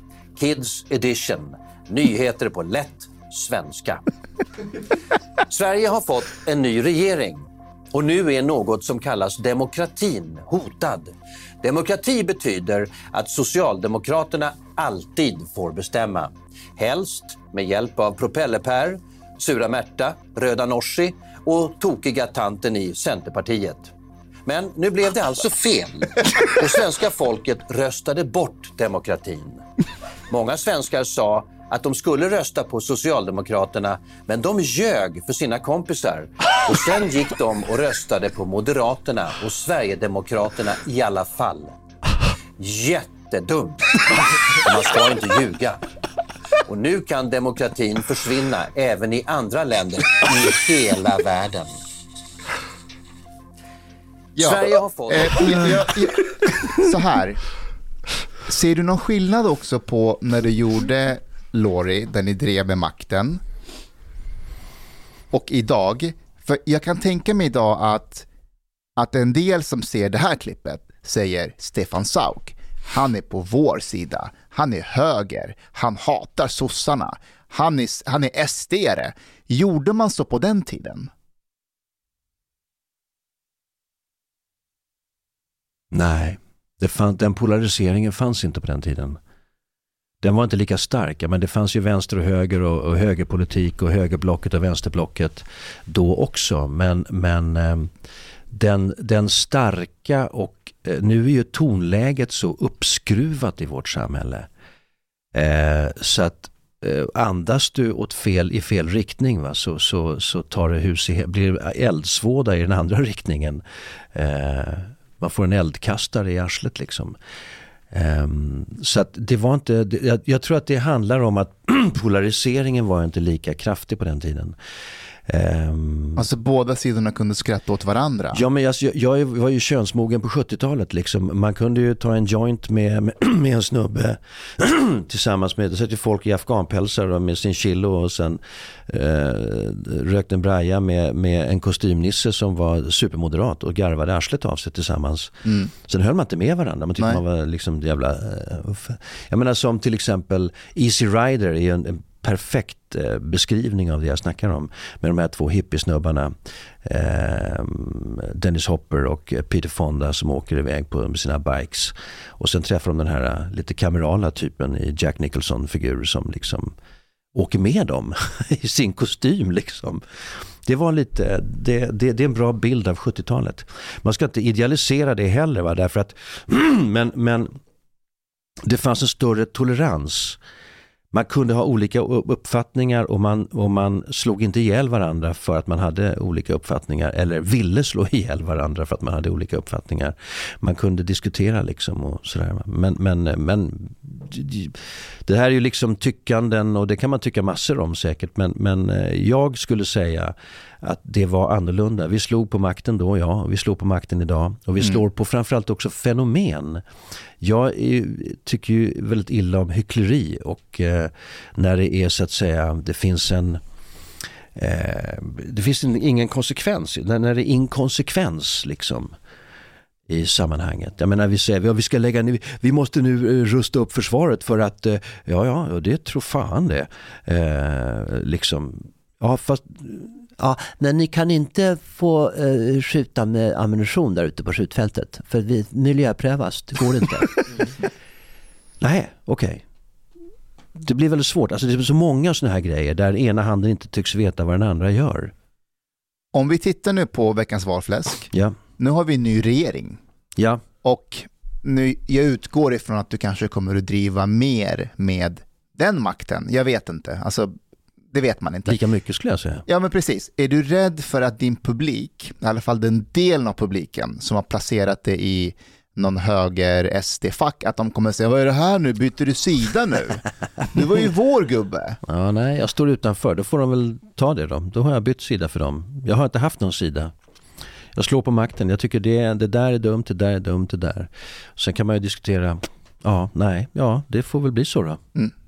Men då är man en riktig, ska man säga, satiriker. Eller en riktig... Ja, det måste ju stå helt Ja. utanför. Eh, Och det spelar ingen roll hur många gånger jag säger det. Folk begriper inte det i alla fall. Ah, han är, han är SD, han är hög. Nej. Jag, jag tänker på 90-talet, det var då jag blev könsmogen. Men det, kän, det känns som att det, det, det du beskriver från 70-talet, det sista andetaget av det fanns kvar då. Att var du vänster, då var, du, då var man hipp. Ja. Medan högermänniskor var lite töntar. Ja, ja, absolut. Medan nu, är du vänster så är du god. Och är du höger så är du ond. Mm. Så när du kritiserar makten och makten råkar vara vänster, då kritiserar du godhet. Mm. Och jag tror det är därför folk blir nästan våldsamma, de blir helt rabiata. Är du emot demokratin? Är du emot mänskliga Ja, ja, rättigheter? ja. Är du emot medmänsklighet? Varför har folk blivit så jävla allvarliga? Ja, det är också en 20 bra år. fråga. Vart tog humorn vägen? Idag till exempel om du skämtar, unga människor tittar ju på en ungefär som att det, det, det, det brinner i huvudet. Mm. Alltså man Mm. ser hur kortslutningen bara fräste till i hjärnan. Och de vet inte, hur ska jag ta det här? Så Får jag skratta åt det här? Får jag inte skratta åt det här? Eh, jag vet inte. Eh, det, det, och man ser också när skrattet var på väg men sen stoppades. Eh, för att... och då, det, blir, det blir väldigt sådär, lite tragiskt kan jag tycka. Man kan inte skämta om sådär, man får inte säga så. Jo. Man måste lära sig, alltså det, det, det, det, det, det, det vittnar ju då om att vi håller på att bli dummare och dummare för varje år som går. Därför att om vi inte kan se vad som är bakom skämtet, om vi inte kan se hjärtat bakom, om vi inte kan se eh, avnämaren, det vill säga eh, intentionen. Vad vill den här människan? Vill den här människan vara elak? Vill, är det här en arselhög eller vad fan är det här för något? Är det en rasist eller är det det? Utan vad vill människan egentligen? Om man inte fattar det och fattar att det här är ett medel att påvisa någonting, ett medel att hålla upp ett spegel. Om man inte begriper det, då har vi ett problem och vi har ett problem. Och det är det jag skulle vilja säga att man har gått lite vilse kring, är det du beskriver nu. Att man har blivit lite förvirrad kring det. För om man tittar på den här sketchen med den här eh, sprayen, Ja. som, eh, ut, all, all alltså. skit försvinner. Ja. Mm. Alltså det den gör för mig när jag ser den, det är att den beskriver hur korkad rasism är som koncept. Exakt. Att man kan skratta hur dumt det är att man går runt med en spray och hon är en så här överklass tant med hund som säger en invandrare och så sprayar hon bort honom. Det blir så absurt och roligt, det, det är så korkat. Men en del som ser det där tolkar ju verkligen det här är hot och hat mot invandrare. Ja, ja, ja visst. Jo, men vi hade sådana. Vi hade sådana. Vi gjorde en, man hade ju, det var ju valtider vid den tiden också. Vi gjorde något som hette eh, tillfälligt valbrott i Aktuellt. Två eller tre stycken små avsnitt som en specialare vid sidan om sådär för att Aktuellt-redaktionen ville att vi skulle göra det. Och det, gjorde, det, var, det var väldigt populärt då, då, då var det åtgärdspaket, ekonomiska åtgärdspaket som, som för 90-talet vi hade ju haft en, en kris där. Eh, så att då var det åtgärdspaket var ett väldigt populärt ord. Och då, då kom vi på det att då ska vi ha åtgärdspaket för att göra, till exempel, vi har ju en väldigt stor, en väldigt stor grupp, människogrupp i Sverige som är extremt olönsam. Pensionärer till exempel. Eh, och då har jag hittat på, då har vi eh, ett gäng, en mängd åtgärdspaket för just att göra pensionärer lönsamma igen. Eh, levande fartgupp till exempel, gjut in en pensionär i asfalten. Gamlingar istället för guldfiber, tilläggsisolering, jättebra. Och så vidare och så vidare. Och det här var ju satir såklart. Eh, för att egentligen så menar ju vi på att vi tar inte hand om våra gamla på Exakt. ett värdigt sätt. Det är vad vi, vill, det är vad vi påvisar. Exakt. Men tar man det bokstavligt så Aktuellt blev ju, växeln blev nerringd på på SVT. Den blev så nerringd så att den kraschade ihop. Så att Jan Scherman berättade för mig att den, jag kommer ihåg den kvällen därför att då rasade alltihop. Så vi sa- satt på redaktion och sa, vad gör vi nu? Nej, vi går hem. Vi kan inte göra något mer här. Så det vart, då tog alla pensionärer det bokstavligt. Inte alla såklart, många förstod ju. Men, men det där är svårt. Men det, det är, satir är väldigt viktigt alltså. Det är väldigt viktigt. Är vi bra på det i Sverige?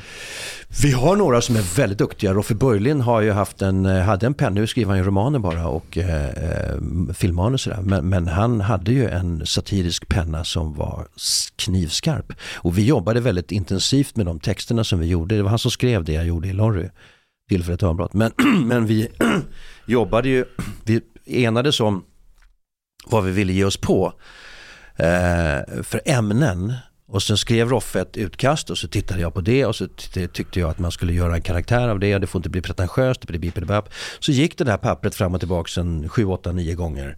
Jag tror att det är avsnitt 9 eller version 9 som vi, som vi filmar i Yrrol. Nå hej, mitt namn är Cancer. Stör jag? Ja, det gör jag nästan alltid på något sätt. Så den, den, den gick fram och tillbaka tror jag åtta eller nio gånger. Så att, och sen när jag hade en text som jag tyckte den här kan jag ha, då hade vi en på Lorry-redaktionen hängde då på gamla Radio Sweden-baracken på Vallalavägen.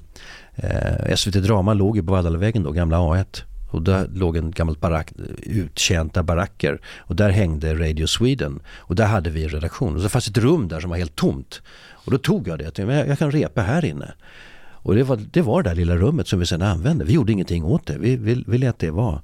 Så att jag ställde in en VHS-kamera där på stativ och sen hade jag texten i hand och så började jag lalla med den där och sen höll jag på en, en, en dag. Jag låste in mig där på ungefär vid nio tiden på morgonen. Och sen körde jag loss där inne och sen framåt tre fyra så hade jag någonting på band som jag då hade jag också lagt till saker, dragit ifrån saker, kanske lagt till ett uttryck eller någonting. Eh, och sen eh, ringde jag Roffe och sa okej, kolla det här, vad tror du? Ja, ja, för fan vi kör på det. Sen fick Kjelle komma och titta som var, Kjelle Sundvall var regissör. Och sen fick då producenten komma och titta på det som tittade med, med skräckslagen blick och tänkte att ja men det där, jaha, ja ja. Han, han riktigt greppade inte det där. Nej. Det var, han var inte riktigt där. Och sen fick ju juridiska titta på det också. ifall, det, ifall det var så att, men det var inte vi som sa de värsta sakerna, det var ju Kanal C. Och det gjorde Roffe tillsammans med Karsten Regild som var konstnär. Eh, rest in peace. Så Karsten eh, och Roffe gjorde ju Kanal C som var de här satiriska reklaminslagen. Och de var ju nästan lite vassare, nästan lite brutalare. Men vi var jävligt brutala också. Gjorde inte ni Cosby-linen? Korsbylinen, nej. Det, det var del av Yrrol. Det var nog en del, Ah, okej. ja nej det var nog Dalle och gänget som gjorde. Ah, okej, okej. Rasta mutta Simmerleinen. Ja men det, det var ju Cosby fast i Finland. Ja, Där alla har blackface. ja. Det hade Ja, inte ja. funkat idag heller tror jag. Nej, Nej. Du, så får jag fråga, du som kom sent, jag hörde inte aldrig vad du hette. Jean Frick. Genre? Jean Chang? Frick. Okej, Chang Chang. Frick. Men du, du är en sån här högerpopulist har jag hört. Ja, de säger det. De säger det. Okej. Det är En, en kulturarbetande högerpopulist kan man nog säga. Vad är, vad är din uh, kulturgärning? Vad kallar de det näthat tror jag?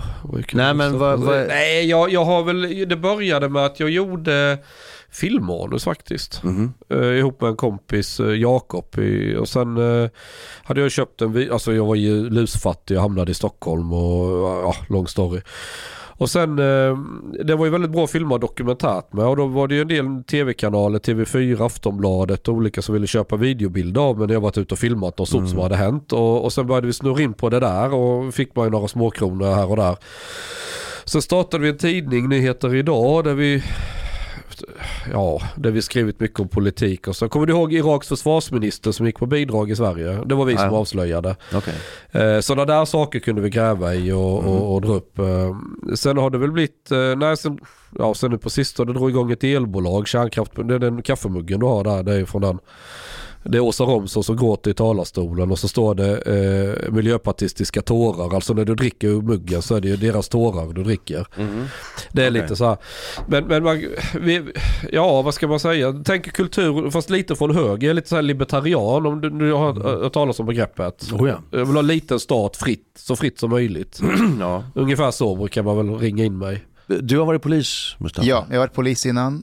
Nu åker jag runt och föreläser mycket för nyanlända och skriver lite böcker och sådär. Ja. Jag är god vän med Jens Ganman, Ja. som du kanske känner till. ja, det är vi som gör. Precis. Och Hanif är polis i Järva idag. Du är polis idag? Mm. Okej. Då har du sett i lagens namn? Det var det, det var därför vi bjöd hit dig. För vi har ju sett den filmen på skolan och det var en väldigt viktig del av utbildningen, Okej. eller den kursen. Ja. För eh, har alla sett här lagen, i lagens namn? Nej. Nej. Nej, alltså jag har inte sett den. Men- Du har gått skolan? Du är polis? Vad fan, vad fan är lagens namn? Wow. Det är en polisfilm, alltså den handlar ju... Alltså, Okej, svenska förlåt. Vill du, vill du, bara lite kort, vad, vad, vad, vad baseras den filmen på? Det baseras på en bok av Leif GW Persson som heter Samhällsbärarna. Delvis, för att den, det är också, man blandade även in eh, en gatulangningsgrupp i Stockholm city som kallades för Baseballligan. Känner- Ja, just det. Ja. De känner du till? Ja, fallet Maknov och det här. Ja. Eh, så då gjorde man en, eh, en piket. Eh, så det är en blandning av baseballligan och gamla A-piketen skulle jag säga. Och det fanns en polis som hette, jag tror han i verkligheten hette Roger Tell, nej, Thomas Tell eller något sånt där. Men karaktären jag spelar, jag spelar piketchef då, heter Roger Hell i filmen. Eh, och sen, ja, den handlar lite grann om, det storyn är från, från eh, den där. Och den, är, den är, har ju väldigt, väldiga tidsmarkörer. Det är ju gamla polisbilar och det är gamla polisuniformer, de här skinnjackorna och det. Eh, och det, mm, ehm, ja, den användes ju eh, i varje fall nu, uppenbarligen inte numera då. Eh, men när I du, jag gick i Växjö Ja. och, och Hanif har ju gått här i Stockholm. Ja, så i Växjö så. används den Okej. varje år vad jag vet. Ja, så det är ofta har jag hört att på lillehjularna, du- ni vet vad lillehjul är? Nej. Nej okej, ni har inte det längre kanske. I försvaret har man något som heter lillejul. Det vill säga innan julledigheten så firar man då på jobbet en liten egen liten julfest sådär va. Ja, men julfest har vi ju. Ja julfest, ja. Ja. Den, den kallas, den, den, Ja. den kallas eh, i försvaret för lillejul. Ja. Okej, ja, men det har vi. Men, men okej. Och det brukar spåra ibland våra Det, julfester. ja det, det gör den även i försvaret kan jag säga. Eller gjorde, numera är det så skitnödigt där också. Så att, Det är inte roligt längre. nej precis. Eh, nej, jo, det finns mycket att berätta om lillehjular i försvaret. Eh, jag har varit med på ett antal. Men du, du har bakgrund i försvaret eller? Nej. Nej. Nej. Ehm, Filmen, filmen eh, handlar om ehm, eh, den här gatulangningsgruppen, eller den här, den här, den här piketstyrkan då som flänger runt. Det var väl bara det. som använder en del övervåld. eh, Absolut. Och, Det finns mycket intressant att berätta om det där därför att eh, jag menar, vi skrev in Kjelle Sundvall som regisserar filmen åkte ju med piketen i Stockholm eh, ett, ett, två, ett eller två pass. Och vid ett av de passen så drog man in en, en pundartjej i, i piketen och kroppsvisiterade henne. Bara snubbar i piketen och det, det är ju alltså, får ju inte ske. nej, Men han var med om det och så han skrev ju in det i manuset. Men sen ville vi ju ha hjälp av Rikspolisstyrelsen att göra filmen. Vi behövde ju låna bilar och en massa saker, behövde få hjälp av avspärrningar och massa saker. Och de sa nej till det därför de sa att nej, men vi kan inte medverka i en film där, där en polisman genomför en brottslig handling. Ja, det, det får, polis får inte göra det. eller? Nej. De ville inte det. Alltså så Det finns ingenting som säger, det finns ingen lag, det finns, det finns inget lagrum som säger det. De, det var de inte ville göra. Nej men alltså polisen, alltså när man ska visitera, eh, när man ska göra visitationer så är det så att om man ska visitera, kroppsvisitera en tjej så måste det alltid vara, alltid vara en kvinna som gör det. Exakt. Men när det gäller män som man ska visitera, det kan vem som helst göra. Ja. Det är, Det är. Vad, vad händer om jämställdhet? Där? Ja, nej men den där grejen är ju, nej men det är ju ett problem faktiskt. Men det beror också lite grann på, man kan ju gå runt det. Om man ska visitera någon för att ha farliga föremål, det måste ju, poli- alltså det måste männen få göra ändå. Men det är just lite mer integritetskränkande. alltså kroppsvisitering, det är ju, eller besiktning, det är ju inne på stationen där man Absolut. tar av kläder. Mm. Jag vet hur det där funkar Sen idag. finns det Ja. ytter... Mm. Du har erfarenhet av det Stefan, eller? Nej men jag, jag åkte med, eh, med Norrmalmspolisen tre månader. Mm. Två, tre nattpass i veckan innan vi skulle börja spela in filmen. Så jag right. blev nästan polis. Och det var, jag, var ingen, jag var inget känt ansikte då. Eh, så att det finns en massa... Det, Du tanken ser var ut då... att ha en polis i ansikte. Vad sa du? Du ser ut faktiskt att ha en polis i ansikte. Ja det handlar om hur man, ja det är möjligt. Hur då menar du? Ja Korthårig? men typ så här, ja men eh, Lite rakat barsk. huvud ja. och sen lite så här blicken och lite Blicken, det är det, som, är, det, är så det som skiljer. Det, det, det, det är så busarna ser att en polis är polis. Ja, Ja, Därför att en, en och då, det där försökte jag analysera. Vad, hur, avslöja vad, inte är allting det, nu till våra. vad, är, vad är det för blick? Jo, det är den där blicken att jag tittar på dig. Jag viker inte med blicken. Exakt. Jag tittar på dig därför det är mitt jobb. Jag Yes. tittar på dig. Och jag tittar på dig med hela apparaten i Mm. ryggen. Mm. Eh, och den blicken känner en buse igen på två röda sekunder. Jag tog Japp. med mig mina kollegor ner på T-centralen. Nu ska ni titta så här när ni ser någon som ni tycker är en buse. Jag tror vi sju gånger blev tagna för poliser av, av Mm. olika...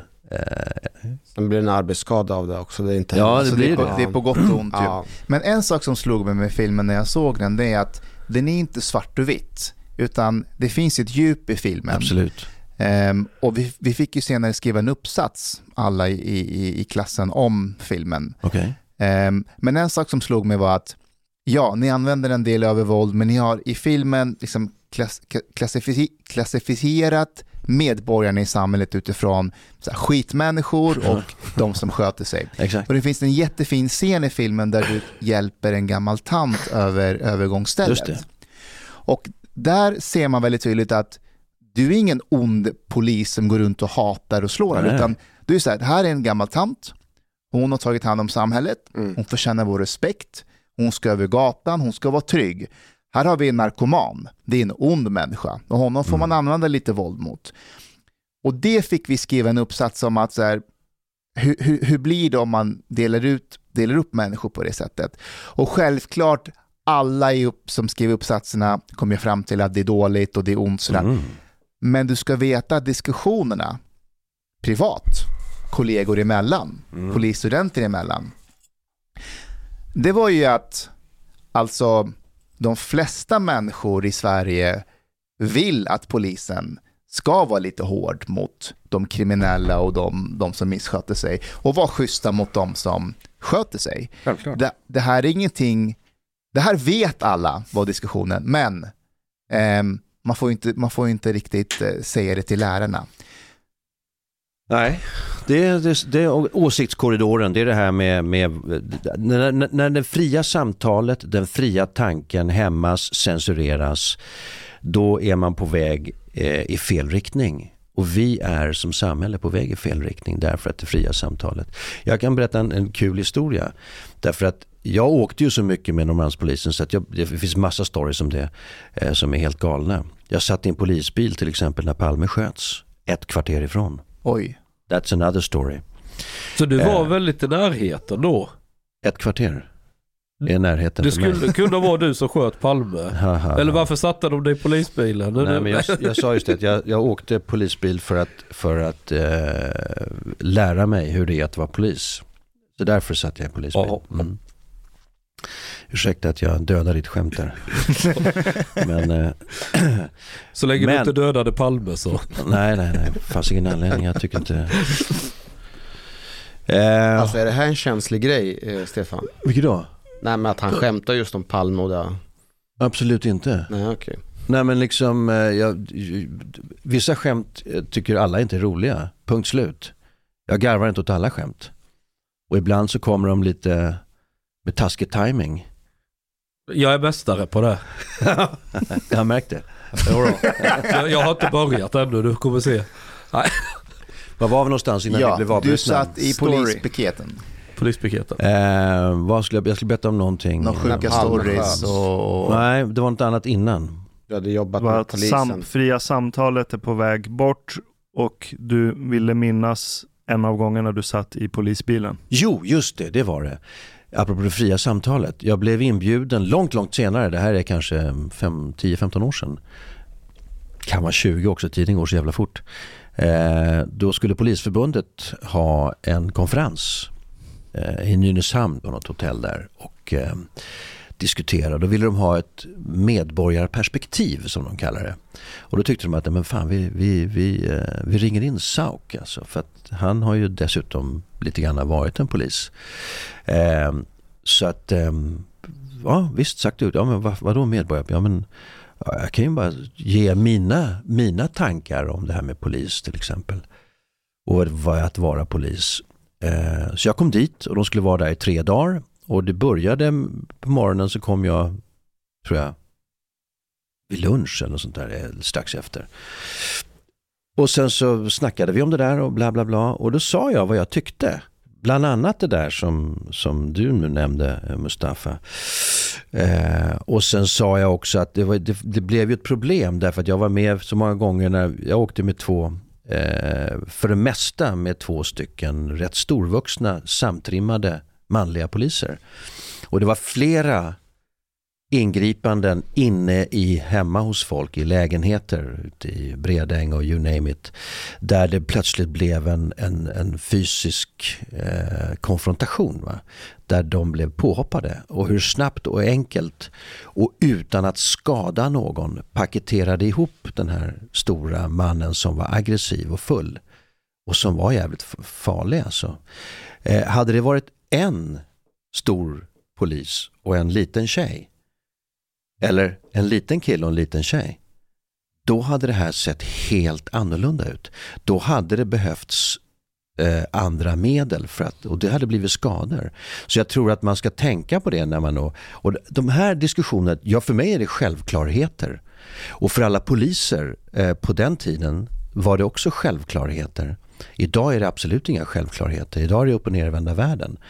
Eh, och det här, då var det halva auditoriet applåderade. Det andra halvan blev förbannade på den halvan som applåderade. Och sen var jag klar och tyckte allting var frid och fröjd och så gick jag och så åkte jag hem och så var det fint. Sen ringde han som jag hade haft kontakt med och sa Ja helvete vilken cirkus det blev. Vadå? Nej men du vet vi var ju tvungna att ställa in hela programmet och fick krishantera i, i, i två Oj. dagar. Så blev det. Därför att det blev sådana diskussioner och sån jävla hetsk, hetsk debatt mellan poliserna och de olika fraktionerna.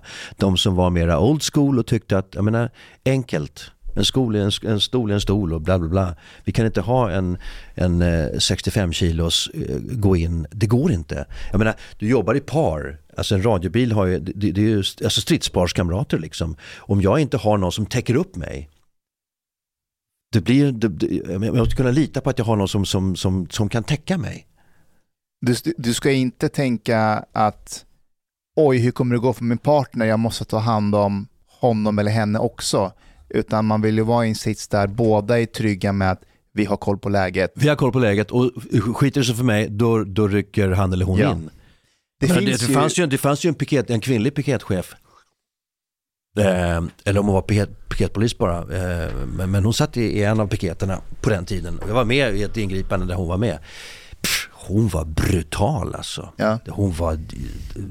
Så det är liksom, det är inte, det är inte könsbundet. Det är bundet av vikt väldigt mycket. Vikt och attityd. Det finns stories från Göteborgsbranden. Eh, vilket år var det? Början av 2000-talet där va? Ja.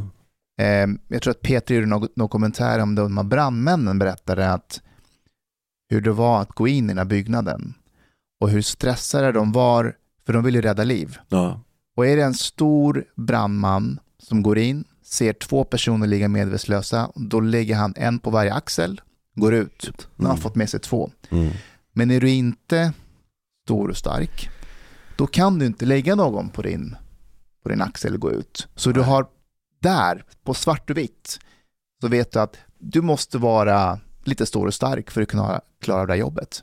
Det finns inom, när vi talar om det, jag har eh, eh, väldigt mycket kontaktytor runt om och in i olika verksamheter som jag har fått av ett långt liv och av intresse också. Eh, så känner jag människor i alla jävla verksamheter på alla nivåer. Och eh, jag fick den här storyn till mig och det här är, det här är ännu, det, det är liksom, det är precis det du pr- pratar om. Därför att man hade, man gjorde eh, jag tror det var Lunds brandstation till en mönsterstation. Bara ordet, det är, man hade mönsterjordbruk i Sovjetunionen. Eh, mönsterstation när det gällde då jämlikhet eller jämställdhet eh, i ett genderperspektiv. Då. Målet var då att det skulle vara hälften kvinnor och hälften män som var brandmän. Det var liksom målbilden. Då var det problem därför man upptäckte då att de här klippverktygen man använder för att klippa upp en bil, en, krock, en krockad bil för att få ut en skadad människa ur en bil. Då måste man ibland klippa loss de människorna, klippa i plåt alltså. De klippverktygen var för stora och för tunga för väldigt många tjejer. Då gjorde man klippverktygen lättare. Så att man skulle kunna, så de skulle kunna användas av en mindre person oavsett kön. Då. Eh, och då var det någon som ställde frågan, men vänta nu, tar det inte längre tid att klippa ut en människa då? Jo, det gör det, men nu är det här målbilden. Okej? Alltså Så det, man, man, man riskerar alltså liv för den här idén om att det ska vara lika. Och det blir ju konstigt alltså. Men är det inte fint när man har räddat ett liv att man har räddat det på ett jämställt Men shit, eh, ja, det, här är, det, här är, det här är väldigt aktuella ämnen fortfarande idag inom polisen och det- du ska ha med dig Stefan, det här har du säkert koll på, att eh, du, du påpekar ju också att det, hand, det är ju inte könsbundet utan det handlar Nej, om vikt och attityd. Men sen har vi ju också den här eh, ideologiska uppfattningen att vissa personer, eh, framförallt kvinnor, kan inte vara poliser. Det är ju en gammaldags eh, syn. Ja, som- Den- den delar inte jag, now, kan jag säga. Det är- including Egypt for example. Ja exakt, Uh, alltså, you- så kvinnor kan inte vara riktiga poliser. uh, they cannot be a soldier or a, a Exakt, fireman för or a... att eh, de är kvinnor, de är inte lika starka och så vidare. Och när man pratar om på det här sättet så är det många som klappar med så här Mm. för att de har den gamla stereotypa det- inställningen. Eh, och Det förstår den, den lever sig kvar lite grann inom kåren på samma sätt som det finns säkert personer som tycker kanske att personer med utländsk bakgrund inte ska vara inom polisen. Jag tror det var i, jag läste någonstans, jag vet inte om det är sant, men att det finns ett lagförslag i Finland från något eh, parti där att eh, personer med utländsk bakgrund inte ska kunna bli poliser i Finland heller. Okej. Så det, det är ju ett problem och det, den lever ju kvar fortfarande idag och framförallt just nu har det gått så pass långt så att nu pratar vi om försöka rekrytera fler eh, kvinnliga chefer. Eh, Mm. Och där är också väldigt mycket så som många tänker att det är många kvinnor som eh, kvoteras in i chefspositioner och så. Så det, är- det är småkänsligt. Men det, Ja, jag delar inte uppfattningen att en kvinna inte kan vara polis. Nej, det finns, nej. det, jag, jag är av den uppfattningen att, att det behövs kvinnliga poliser, punkt slut. Men jag är också av den uppfattningen att var, eh, var sak på rätt plats, om du förstår vad jag menar. Eh, om du ska vara ute och, och bryta med, med, med stora eh, aggressiva busar, då kanske du måste ha, eh, en, det måste vara en viss kategori Eh, Jag tycker vi, ska, vi, vi, vi måste reformera polisen i Sverige för att den, vi har sett allt för många klipp där, där liksom poliser står och tar skit av, av stora Mm. starka busar som står och skäller på dem. Och du vet, jag menar, vi har ju, hur många områden har vi i Sverige som är Ja, klassade är som... 50.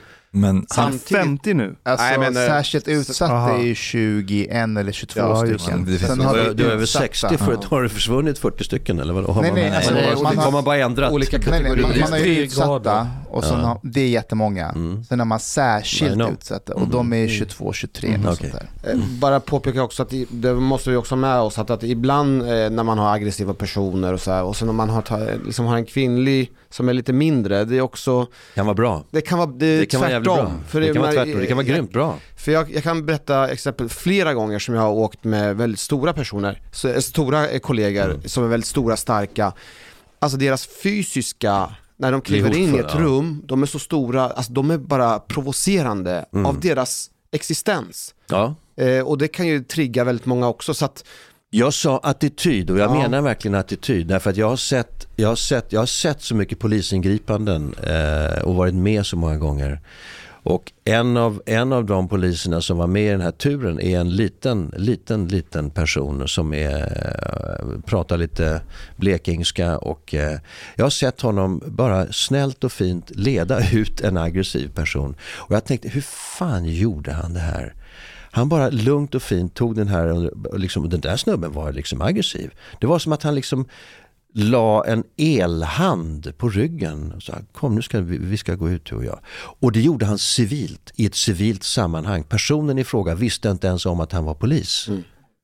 Och det, då tänkte jag wow, han har fattat någonting och hur han gjorde det där, jag skulle inte kunna göra det. nej, det har, Eh, Så det, det, jag sa vikt och attityd och i ett attityd kan ibland eh, övertrumfa vikten. Mm.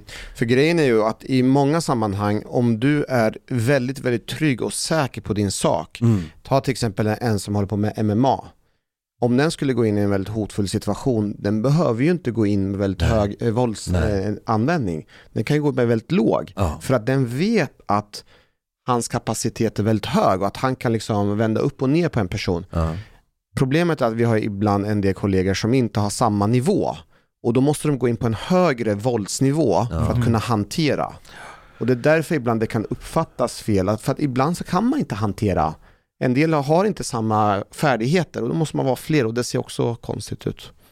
Ja. Ja, det är lite om Ja, polissnack. det, det, det jag menar är att egentligen, och det, det är egentligen det jag är ute efter i allting jag eh, snackar om. Det är att ingenting är så enkelt. Nej.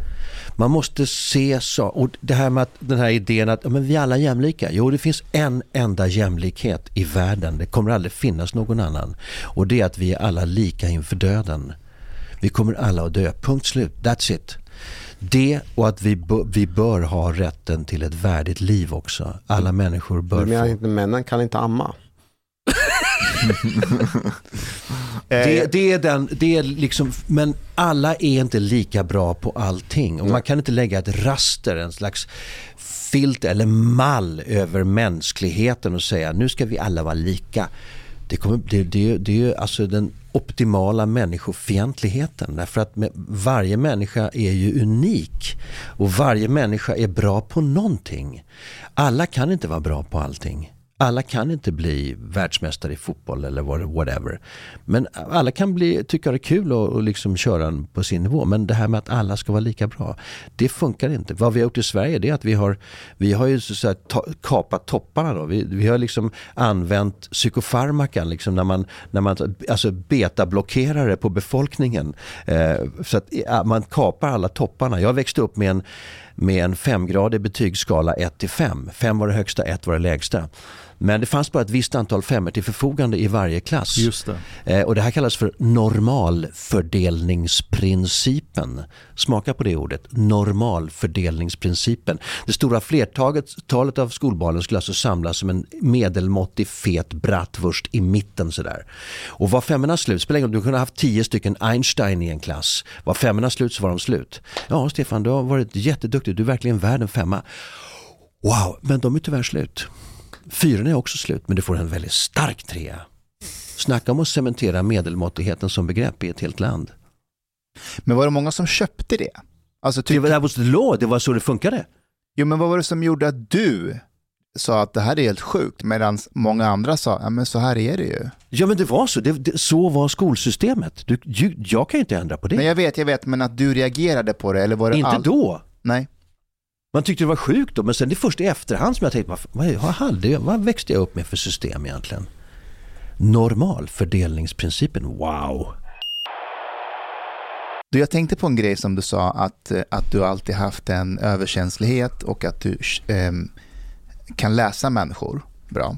Jag antar att det har hjälpt dig väldigt mycket i skådespeleriet. Att du... Det är det, man, det, det är det enda man håller på med. Man, Ja. man, man studerar ju det. Det är ju det som är min core business om man säger Precis. så. Men jag tänkte fråga dig, har du, stött, har du varit med i situationer där du har tyckt att ja, det här är en sån person, jag, jag känner verkligen, jag kan läsa av att det är någonting bakom masken. Jag känner igen den här typen sedan tidigare och så har du haft helt fel. Ja, massor med gånger. Det är underbart. Visst är det fan- Jag älskar Jag skulle det. precis säga det. Jag älskar det. Jag älskar när mina fördomar inte stämmer om någon. Ja, ja, ja. Det är så jävla nice. Har du något exempel från senaste tiden? Ja men om dig. Varje gång jag... Nej, Stefan, vad var det som var så roligt?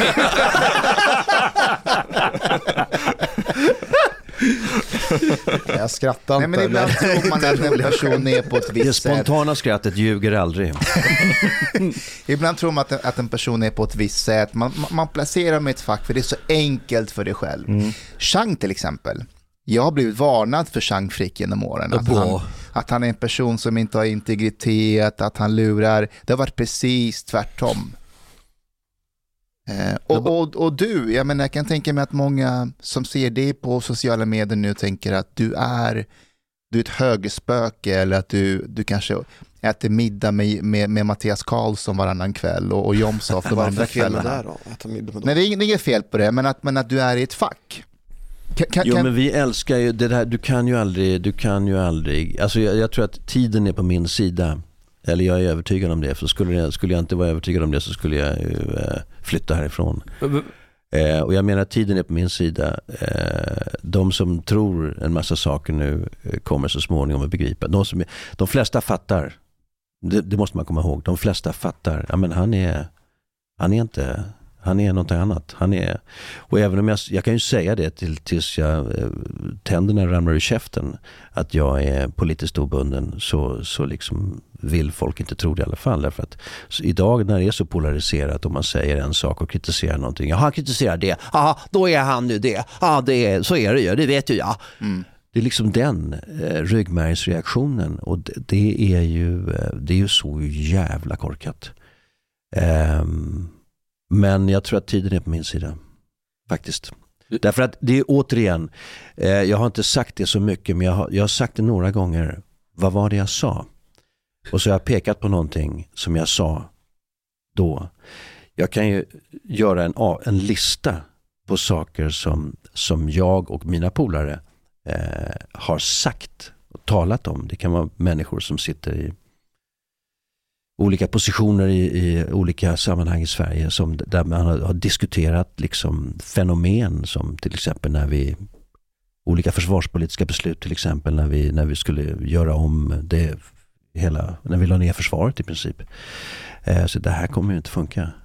Eh, när vi byggde eh, man, North Stream till exempel. Då satt jag med ett, ett gäng och snackade om det och sa det här är fullständigt vansinne. Alltså är man så jävla naiv Eh, och när man då från rysk sida ville, ha, ville lägga de här på svensk ekonomisk zon för att, och kanske ha möjlighet att få en helikopterplatta på Gotland och kanske göra en djuphamn i Slite hamn för att kunna få transport.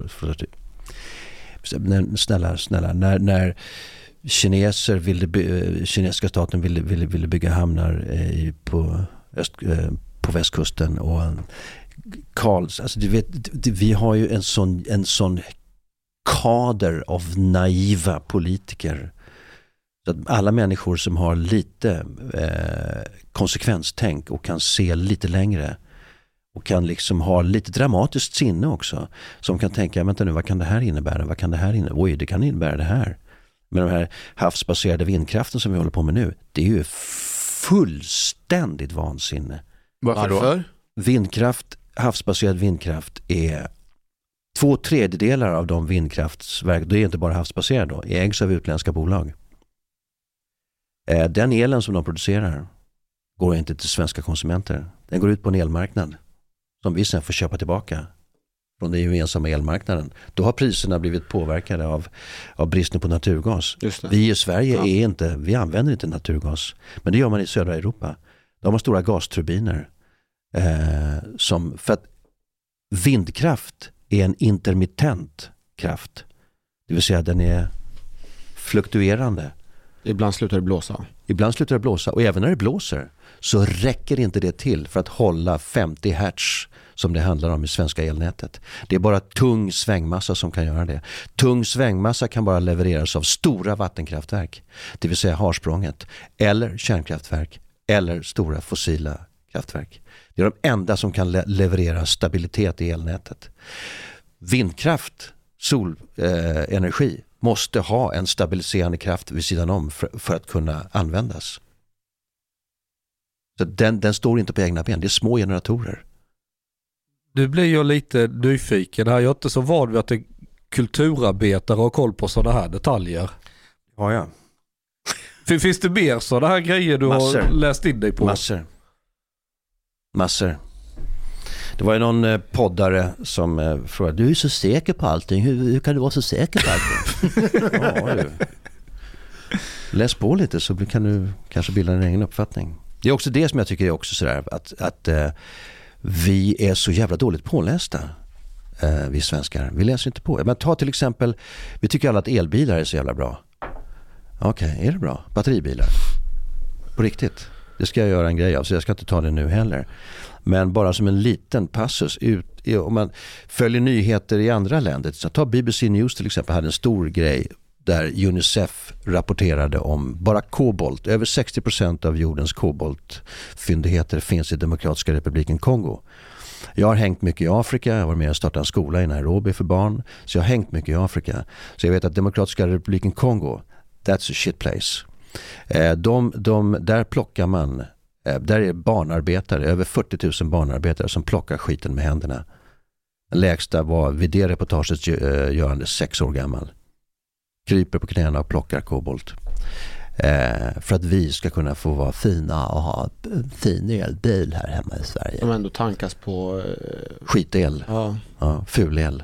Vi har Ja. inte ens tillräckligt med reserver, kända reserver av alla metallarter vi behöver för att kunna elektrifiera alla bilar i världen. Nej, nej, vi har Vi är inte ens, i närheten av Nej, nej, nej, det de finns reserverna. inte. Det finns inte. Jag menar, sk- sk- skulle vi eh, ha en elbilsflotta eh, motsvarande den, den eh, fossila bilflottan vi har nu. Det, det, går- ju inte, det finns inte på kartan. Vi kommer behöva Ta mina... bara, ta bara det här huset här, som vi sitter i. Jag har en polare som bor här. Du vet, de har, de har, jag vet inte hur många platser de har, men det finns bara sju laddstolpar, typ, jag kommer inte ihåg om det var sju eller fem eller fyra eller tre. Men skulle de göra alla dem till elstolpar, ja, då får du ju bygga om el, då får du bygga om eh, alltså elförsörjningen helt. Det, det, det, finns inte ka- kablage till det. kommer behöva mina asteroider. Om man ska behålla den batteritekniken med litium ja. Annars får man hitta någon...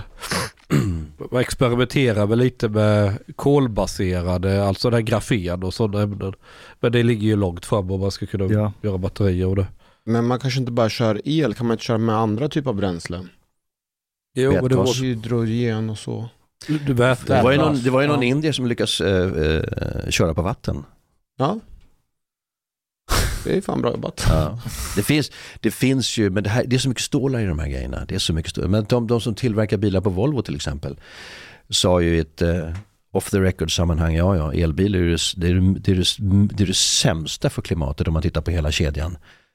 Eh, men eh, eh, nu har politikerna sagt att vi ska ha elbilar, då får de elbilar. Men det är fullständigt hål i huvudet. Mm. Då kanske jag inte borde sälja min dieselbil då. Kanske ska behålla den. Det beror ju på vilken, nu är ju dieseln uppe i 28 kronor ungefär. Kör du mycket bil Stefan? Ja det gör jag. Har du bilintresse? Ja det har jag. Jag har kört racing. Vad för racing? Eh, jag körde Radical i STCC.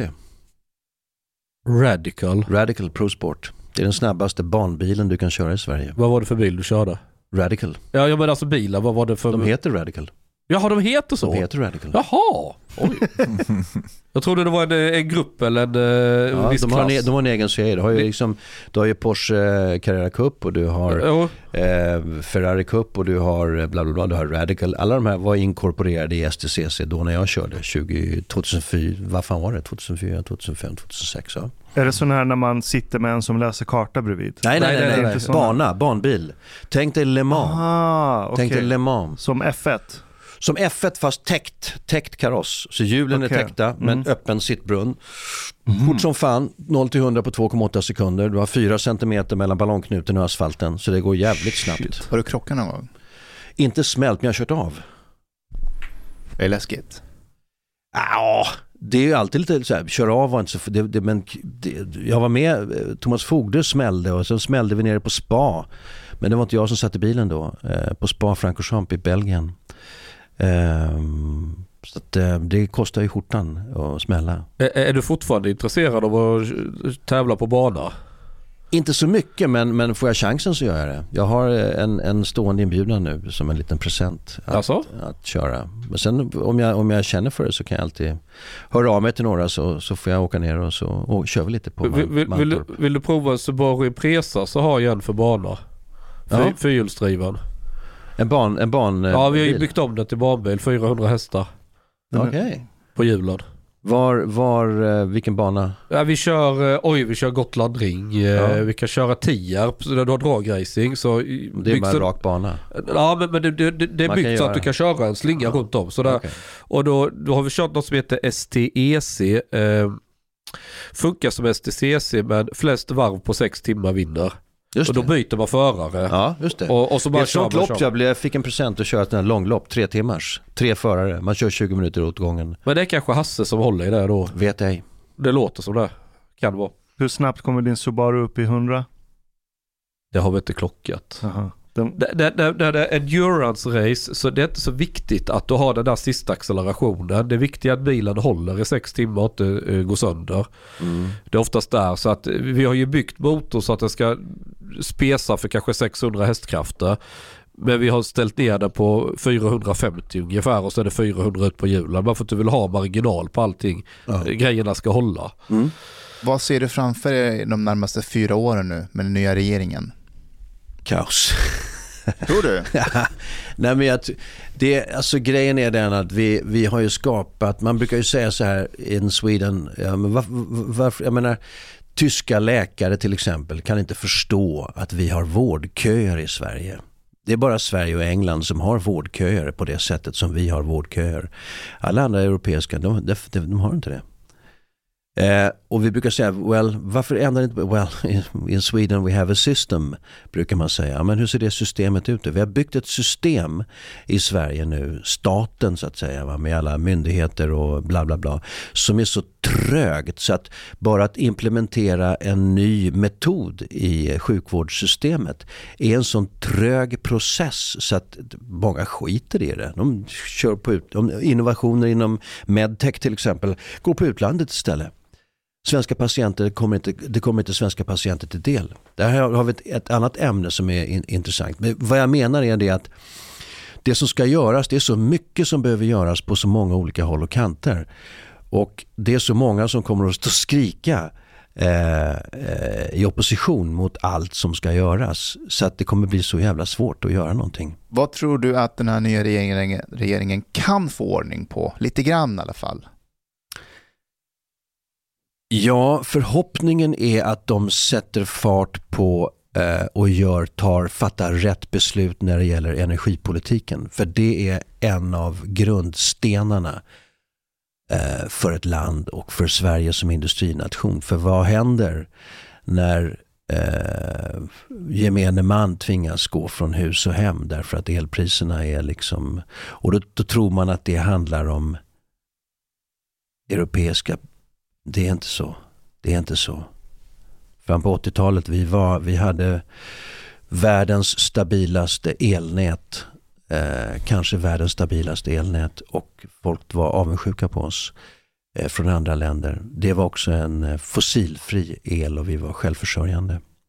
Men det ska jag göra en annan grej av. Så jag ska inte ta mer om det. Men, men energipolitiken. Jag menar, man snackar om att det kommer ta så lång tid. Ja, det är tillståndsprocesserna är Ja, tillståndsprocesserna, we have a system, det vill säga ja, bara tillståndsprocessen kanske är tio år för att få bygga ett nytt kärnkraftverk. Ja men hallå, vi har släckt ner vi har slagit undan fundamentet för vårt land.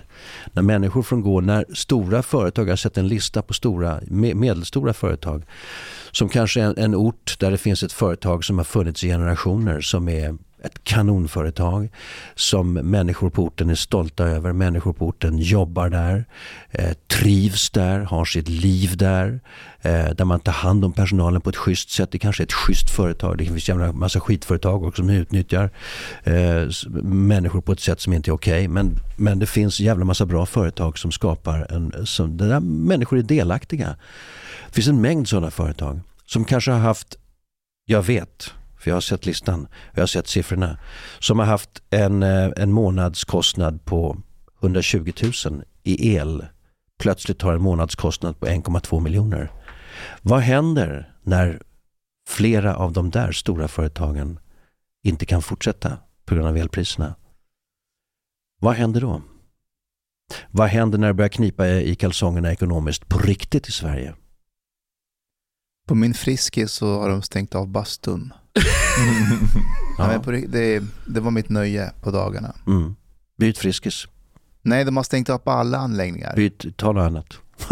på Sats också. Nej, inte på Sats. Ja. Jo, men de ska göra det nu. Va? Ja. Ja, det går åt helvete. Det...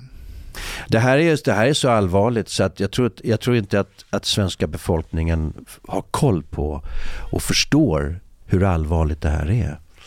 Därför att det är att stänga ner dem där. Det, det, jag är ingen fan av kärnkraft. Men om vi inte har ett alternativ, det är, det är trots allt ett fossilfritt alternativ och ett stabilt, tryggt, och det finns nya generationer av, av eh, reaktorer som det här vansinniga med halveringsprocess på tusen år, kanske nere på 500 år. Eh, och det är ju lite läskigt i sig. Va? Men, men alternativen som vi, som vi står inför nu, ja men då, då backar vi ju bandet till det där är lite... Men det går att göra. Det går att göra. Sydkorea har byggt 24 stycken eh, kärnkraftverk på en mediantid på 4,5 år. Eh, vi byggde ett av våra svenska kärnkraftverk på, jag tror det var fyra eller fyra och ett halvt år. Mm. Om det var Oskarshamn eller det gick väldigt, mm. väldigt fort. Det går alltså, men, men det är de här tillståndsprocesserna då som gör att det tar, liksom, när, när man talar med experter så säger jag att tio år. Men då räknar man ju med tillståndsprocesserna och allt möjligt. Och sen kan jag tycka att avreglera energipolitiken, fullständigt vansinne. Vänta nu ett tag här, vi betalar skatt, det här är våra.